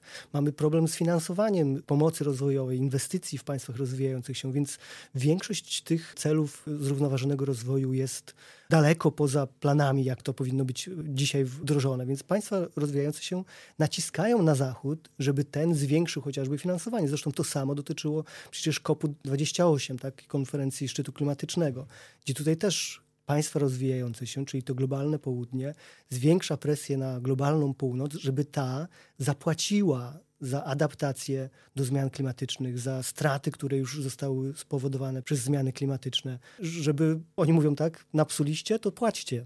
Tak, no i w tym kontekście też się często pojawia ta debata, co z Arabią Saudyjską, co z Chinami, no bo jednak to też są państwa, które aktywnie, że tak powiem, psują ten klimat nadal, ale w tych momentach lubią się raczej pozycjonować właśnie jako ta część globalnego południa, której też może należałyby się jakieś rekompensaty za szkody spowodowane zmianami klimatycznymi. Wróćmy na chwilę właśnie do Sahelu. Jędrzeju, próbowałam prześledzić to przez twoje teksty, było chyba pięć przewrotów w tym roku w państwach Afryki Zachodniej czy Sahelu. I no, bardzo... Może zahaczając może, może o Gabon, który jest Afryka raczej środkowa już. Okay. Um, ale no rzeczywiście można stracić rachubę. Mhm. I tam często zwracasz uwagę na to, że nawet jeżeli one nie są powodowane od powiedzmy samego początku, czy gdzieś tam w swoim trzonie prorosyjskim podejściem, czy jakąś prorosyjską polityką, to w efekcie dochodzą do głosu bardziej jakieś prorosyjskie ruchy. Możesz nam teraz tak mniej więcej zmapować, jak wygląda ta sytuacja w Sahelu, jeśli chodzi o ich stosunek do Rosji, czy właśnie do Europy, a szczególnie do Francji?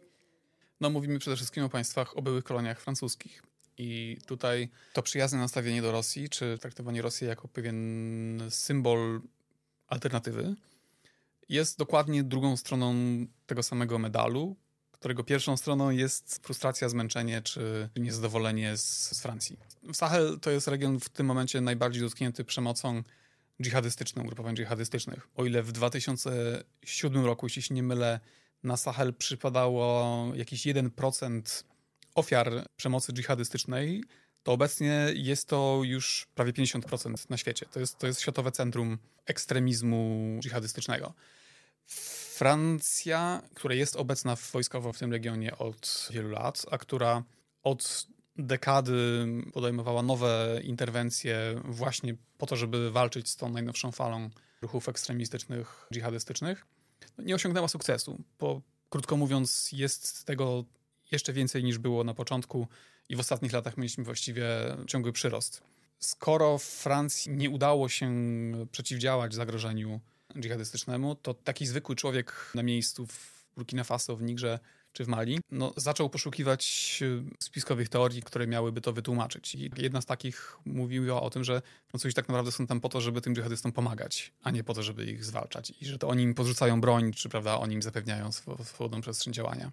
To nie jest prawda, ale jeśli ktoś tak powie, to, to znajdzie od razu poklask. Krótko mówiąc, doszło do tego, że w którymś momencie Francuzi stali się tak niepopularni i tak nielubiani, że już cokolwiek by nie zrobili, to i tak obracało się to zawsze przeciwko nim. Próbowali wielu sposobów na to, żeby odświeżyć swój wizerunek, czy tą swoją obecność jakoś na nowo zdefiniować, ale to w gruncie rzeczy się nigdzie nie udawało. No ale są tego pewne głęboko leżące przyczyny. Naturą, czy takim definicją francuskiego postkolonializmu, tej tak zwanej France Afrique, były nieformalne układy zawierane z tymi dawnymi koloniami francuskimi, gwarantujące Francji dominację choćby w gospodarce, na przykład w wygrywaniu rządowych przetargów czy rządowych kontraktów na wszystko. I tak mieliśmy ostatnio taką sagę, która jeszcze pogorszyła tę sytuację, ambasadora francuskiego w Nigrze, który po przewrocie w tym państwie został wyproszony przez nowe wojskowe władze, ale który okopał się w swojej ambasadzie i Francja broniła jak niepodległości tego, żeby on tam został. Ten sam ambasador chyba rok czy dwa lata wcześniej miał taką słynną wypowiedź mówiącą o tym, że cała woda w Nigrze jest własnością Francji. Chodziło o to, że francuska firma obsługiwała wodociągi w stolicy tego kraju. Ale takie wypowiedzi, to takie pomieszanie pewno braku wyczucia, pewnej buty i arogancji, a zarazem uzmysławiające tą bardzo szeroką obecność i dominację francuską, ona bardzo te nastroje podkręcała. I Rosja była w stanie bardzo umiejętnie na tym grać. Była w stanie przedstawić się jako lepszy partner, jako taki, który jest bardziej uczciwy, który zagwarantuje taką współpracę win-win, który nie miał wcześniej kolonii, co oczywiście jest też no, argumentem dentym. Rosja próbowała, ale, ale po prostu jej się nie udało. No i Rosja stała się w którymś momencie symbolem. Flagi rosyjskie zaczęły się pojawiać na manifestacjach trochę na zasadzie koszulek z Che. To nie znaczy zawsze, że każdy, kto niesie rosyjską flagę, popiera politykę Putina, ale ta flaga rosyjska stała się symbolem dokonywania pewnego właśnie tego wyłomu w dotychczasowym porządku, który z perspektywy mieszkańca państw Sahelu jest zdefiniowany przez rosnące zagrożenie ze strony dżihadystów, niemoc dotychczasowych partnerów zachodnich w zmienieniu tej sytuacji, no i poczucie frustracji, poczucie tego, że oni zawsze chcieli nami kierować z tylnego siedzenia, więc może w końcu uda się jakoś to zmienić. Oczywiście tą zależność symbolizowały lokalne elity, które działały jako klienci francuskiego biznesu, czy większość klasy politycznej studiowała we Francji, czy jest jakoś związana z francuskimi kręgami politycznymi. Prawie, że wszyscy prezydenci państw Afryki Zachodniej francuskojęzycznych mają żony francuskie. Chyba prezydent Senegalu jest jednym z pierwszych obecnych, który ma żonę Senegalkę, bo wcześniej wszyscy byli też rodzinnie powiązani z Francją. Więc tutaj ten resentyment jest bardzo głęboki i no, Rosji udało się wejść jak w masło w te nastroje po to, żeby je umiejętnie odwrócić i pokazać, że każdy, kto, no właściwie postawić znak równości między krytyką Francji czy krytyką tego porządku postkolonialnego, a oczekiwaniami i sympatią do Rosji. Nałóżmy na to jeszcze jedną taką soczewkę, bo pisałeś też o wycofywaniu się dwóch misji ONZ z państw afrykańskich. To są jedne z największych misji, jakie w ogóle ONZ ma na całym świecie. Czy to też możemy jakoś właśnie wpisać w próbę kontrowania tego porządku międzynarodowego? zastanego? No możemy, że Rosja tutaj pomaga w tym, podsycała te nastroje. O ile tym pierwszym wrogiem, w którego biła propagandowo, czy na którego krytykę pracowała, po to, żeby też lokalne organizacje prawda, występowały przeciwko, była Francja. Natomiast kiedy Francja została symbolicznie pokonana poprzez wyrzucenie ambasadora Francji z Mali, wyproszenie wojsk francuskich, no po to, żeby, mówiąc tak w cudzysłowie, rewolucja trwała dalej, potrzebny był wróg kolejny i tym kolejnym wrogiem stało się ONZ. Ta misja ONZ-owska w Mali była zdominowana przez państwa e, afrykańskie czy państwa Azji Południowej. To była reprezentacja globalnego południa, a nie jakaś zachodnia interwencja, która zresztą robiła tam dosyć dobrą robotę.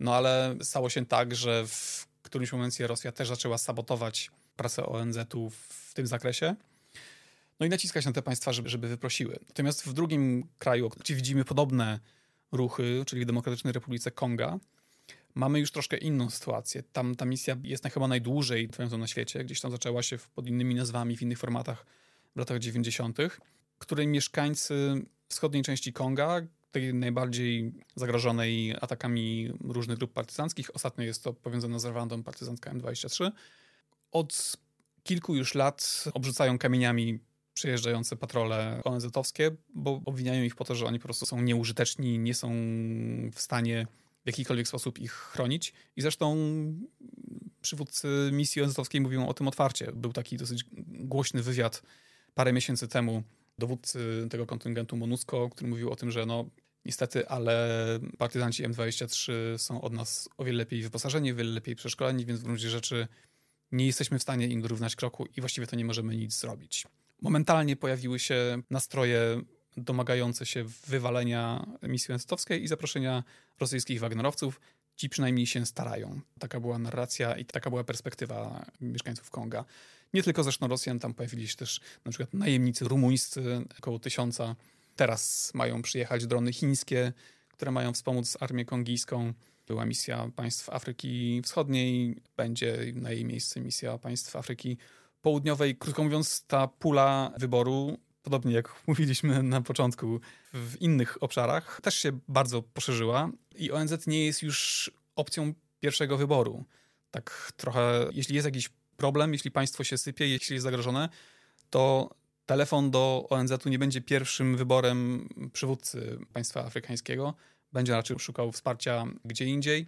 No a niestety te misje i w Mali, i w Kongo bardzo obciąża ich niewielka skuteczność z punktu widzenia zwykłego człowieka, tak, dla którego właściwie sytuacja się, się nie zmieniła. Może to jest w zasadzie dobra zmiana, tak? bo to jest to, czy liderzy polityczni rozmawiają od wielu, wielu lat, żeby mieć African Solutions to African Problems, tak?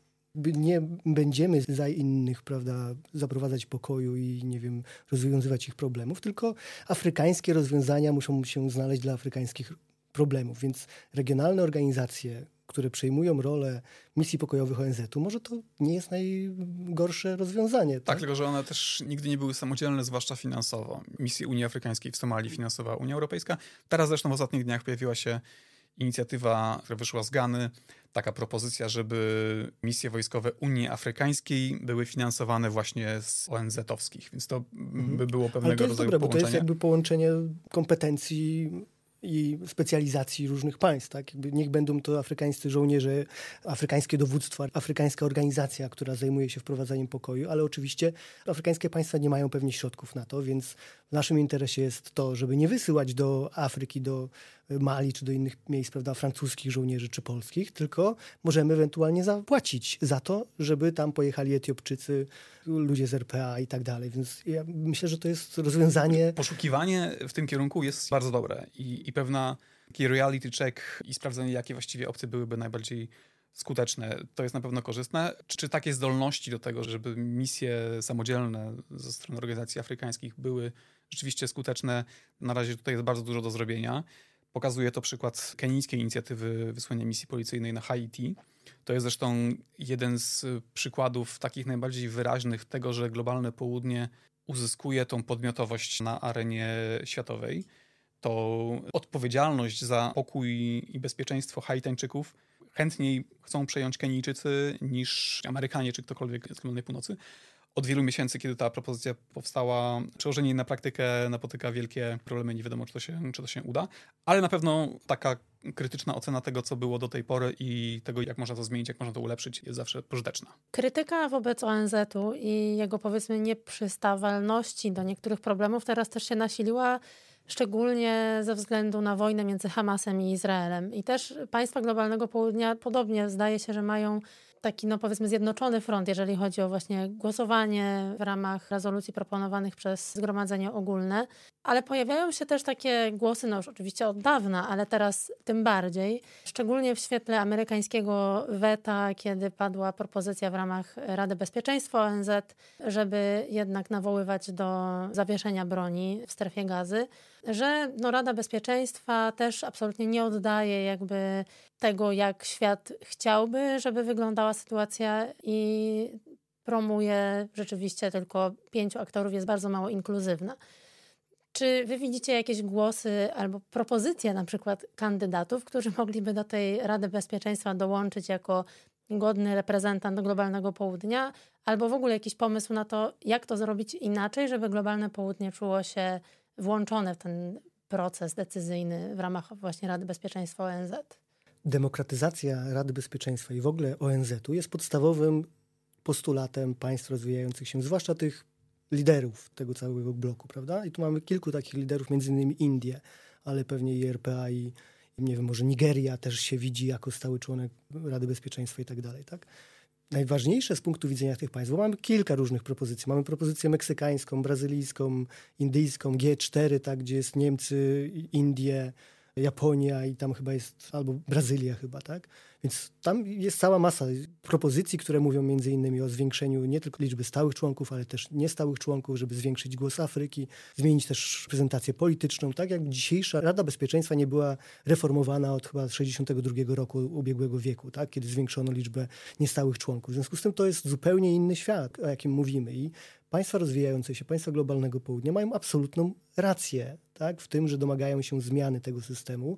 Mówią, jakby, co jest dla nich najważniejsze, oni wiedzą, że te P5, tak, P5, stali członkowie Rady Bezpieczeństwa nie będą chcieli nic zmienić, bo obecna sytuacja jest dla nich korzystna. I tego typu zmiany wydarzają się po jakiejś katastrofie globalnej, prawda, II wojnie światowej, gdzie się zmienia cały porządek. Co chcą tego typu państwa, jak na przykład Indie? One chcą, żebyśmy po prostu robili małe zmiany, stopniowe, tak? jakby na wielką reformę już nawet nie liczą, ale małe zmiany. Też chcą, żeby rozmawiać o tej reformie ONZ-u na podstawie konkretnego tekstu. Taki text-based negotiations proponują, tak? żeby jednak mieć na piśmie coś i zmieniać przecinek, dodać jedno słowo, żeby jakoś posuwać tą dyskusję do przodu. Tak? Kwestia tego, co z wetem. Tak? Indie na przykład, czy część innych państw docenia, jakby widzi, że weto jest anachronizmem, tak, że to paraliżuje działanie Rady Bezpieczeństwa. Więc są gotowe na przykład zrezygnować z prawa weta, że mogą być członkowie bez prawa weta, stali członkowie, ale bez prawa weta. Więc tych propozycji, jak zmienić ONZ i Radę Bezpieczeństwa jest myślę, że cała masa, ale najważniejsze jest to, że o tym się rozmawia od 10, 15, 20 lat i nigdzie ta dyskusja nie prowadzi. To jest frustrujące dla tych państw. Ta złość, jaką ja na przykład obserwuję w Indiach, po prostu co jedno wystąpienie premiera Modiego w ONZ jest coraz bardziej agresywne tak? i coraz mocniej domaga się tych zmian. A gdzie idzie głównie ta złość? W globalną północ, tak? Jakby w tych członków na przykład europejskich. No, Indie mają chyba też tytuł do tego, żeby zastanawiać się, co w, w Radzie Bezpieczeństwa wśród stałych członków robi Wielka Brytania albo Francja, tak? Jakiś średniej wielkości kraj na Półwyspie Europejskim, który ma, nie wiem, 80 milionów mieszkańców. Gospodarkę słabszą dzisiaj niż Indie. Tak? A dlaczego tam nie ma Indii, które są zamieszkane przez jedną szóstą ludzkości świata i nie mają głosu w takiej radzie? Więc ta frustracja w takich państwach jak Indie jest ogromna i ta presja z ich strony będzie coraz większa i ona przynosi jednak te efekty, tak? Myślę, że i ustalenia COP-u 28, tak? Że powstał tam ten fundusz strat i zniszczeń, tak? I to przeforsowanie tej negocjacji umowy o podatkach międzynarodowych tak, na, na forum ONZ. Zmuszenie jednak Banku Światowego, MFW do tego, żeby zwiększyć finansowanie na realizację milenijnych celów rozwoju. To jednak wszystko pokazuje, że ten głos i znaczenie państw rozwijających się rośnie. Oczywiście te państwa mają ogromne problemy gospodarcze, finansowe, zadłużeniowe i tak dalej, ale ja bym powiedział tak, że jednak, to może będzie coś pozytywnego, jednak to był dobry rok dla globalnego południa. Mimo tych kryzysów, wojen, tragedii, zniszczeń klimatycznych i tak dalej, to był dobry rok dla globalnego południa w sensie politycznym, bo te państwa zobaczyły swoją siłę, zobaczyły swoją podmiotowość, poczuły tą siłę i moc, że one mogą zmusić do czegoś, do jakichś stopniowych zmian, mogą zmusić Zachód. To z naszej perspektywy może się wydawać mało optymistyczna i może nie najlepsza informacja, ale nie ma innej drogi. Tak? I nie ma się czego bać. System międzynarodowy będzie się zmieniał, będzie dawał coraz większe prawa i głos państwom rozwijającym się i ostatecznie w długim terminie to jest w naszym interesie, tak? żeby jednak zmienić te zasady gry tak, żeby państwa rozwijające się lepiej się rozwijały, szybciej się rozwijały, żeby nie było tam niestabilności, biedy, która wypycha chociażby migrantów, tak? I oni forsują później granice Unii Europejskiej czy Stanów Zjednoczonych. Jeżeli chcemy zatrzymać migrację, na przykład, i chcemy zaprowadzić jakieś bezpieczeństwo i pokój w Afryce, czy w Ameryce Południowej, czy w Azji, to nie ma innej drogi, jak podzielić się tym naszym tortem dobrobytu z innymi. Czyli zmienić troszkę zasady gry, tak, żeby tam rozwijały się gospodarki, żeby tam było bezpiecznie, żeby ci ludzie tam chcieli zostać w swoich krajach i żyć w, w dobrobycie, w dostatku lepszym niż to jest dzisiaj. To będzie piękna klawra na koniec dyskusji, ale zanim kompletnie zakończę, co prawda już przekroczyliśmy bardzo czas, ale dosłownie hasłowo, jakby każdy z Was mógł wymienić trzy takie najważniejsze procesy czy wydarzenia na globalnym południu do obserwacji w przyszłym roku. No zacząłbym negatywnie, czyli wojna w Sudanie. W tym momencie najostrzejszy, najbardziej ciężki konflikt na świecie, który nie przyciąga fragmentu uwagi, jak, jaki mamy na Ukrainę, czy to na strefę gazy.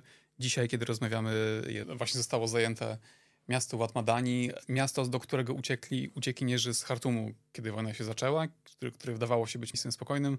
Teraz jakieś 300 tysięcy osób na piechotę przymierza pustynię w poszukiwaniu nowego, spokojnego miejsca, ale takiego bezpiecznego już nie ma. Tam właściwie realizuje się już nie scenariusz libijski, ale afgański, czyli krótko mówiąc rozpad zdolności armii do obrony mieszkańców przed, przed bojówkami. Więc mobilizacja dyplomatyczna na rzecz jakiejkolwiek reakcji na konflikt w Sudanie jest koniecznością. Pierwsze sygnały dopiero teraz widzimy. To zresztą też jest przytyk trochę do tych afrykańskich rozwiązań na afrykańskie problemy. Unia Afrykańska nie była w stanie wypracować jakiejkolwiek polityki wobec tego konfliktu, a miała na to dużo czasu. Miała też do tego jakieś procedury. Dalej Zjednoczone Emiraty Arabskie i ich rola w praniu brudnych pieniędzy, choćby z nielegalnego wydobycia złota. To, że nie jesteśmy w stanie jako Zachód dogadać się ze Zjednoczonymi Emiratami Arabskimi i troszkę ich zmitygować, troszkę wymusić powściągnięcie tego, żeby przestali być rajem dla najbardziej ciemnych postaci i, i krajem, przez który przechodzą pieniądze napędzające konflikty, choćby w państwach afrykańskich, czy pozwalające Rosji finansować swoją wojnę jest niewyobrażalnym i, i niesamowitym skandalem. To właściwie w Dubaju leżą klucze do tego, żeby uspokoić wiele miejsc na świecie, a także ograniczyć apetyty Rosji. No i oczywiście klimat. No, tutaj będziemy mieli dalej walkę o to, żeby więcej treści było w deklaracjach, tego, żeby kolejny szczyt okazał się większym sukcesem niż obecny, bo tutaj głosy są raczej rozczarowujące.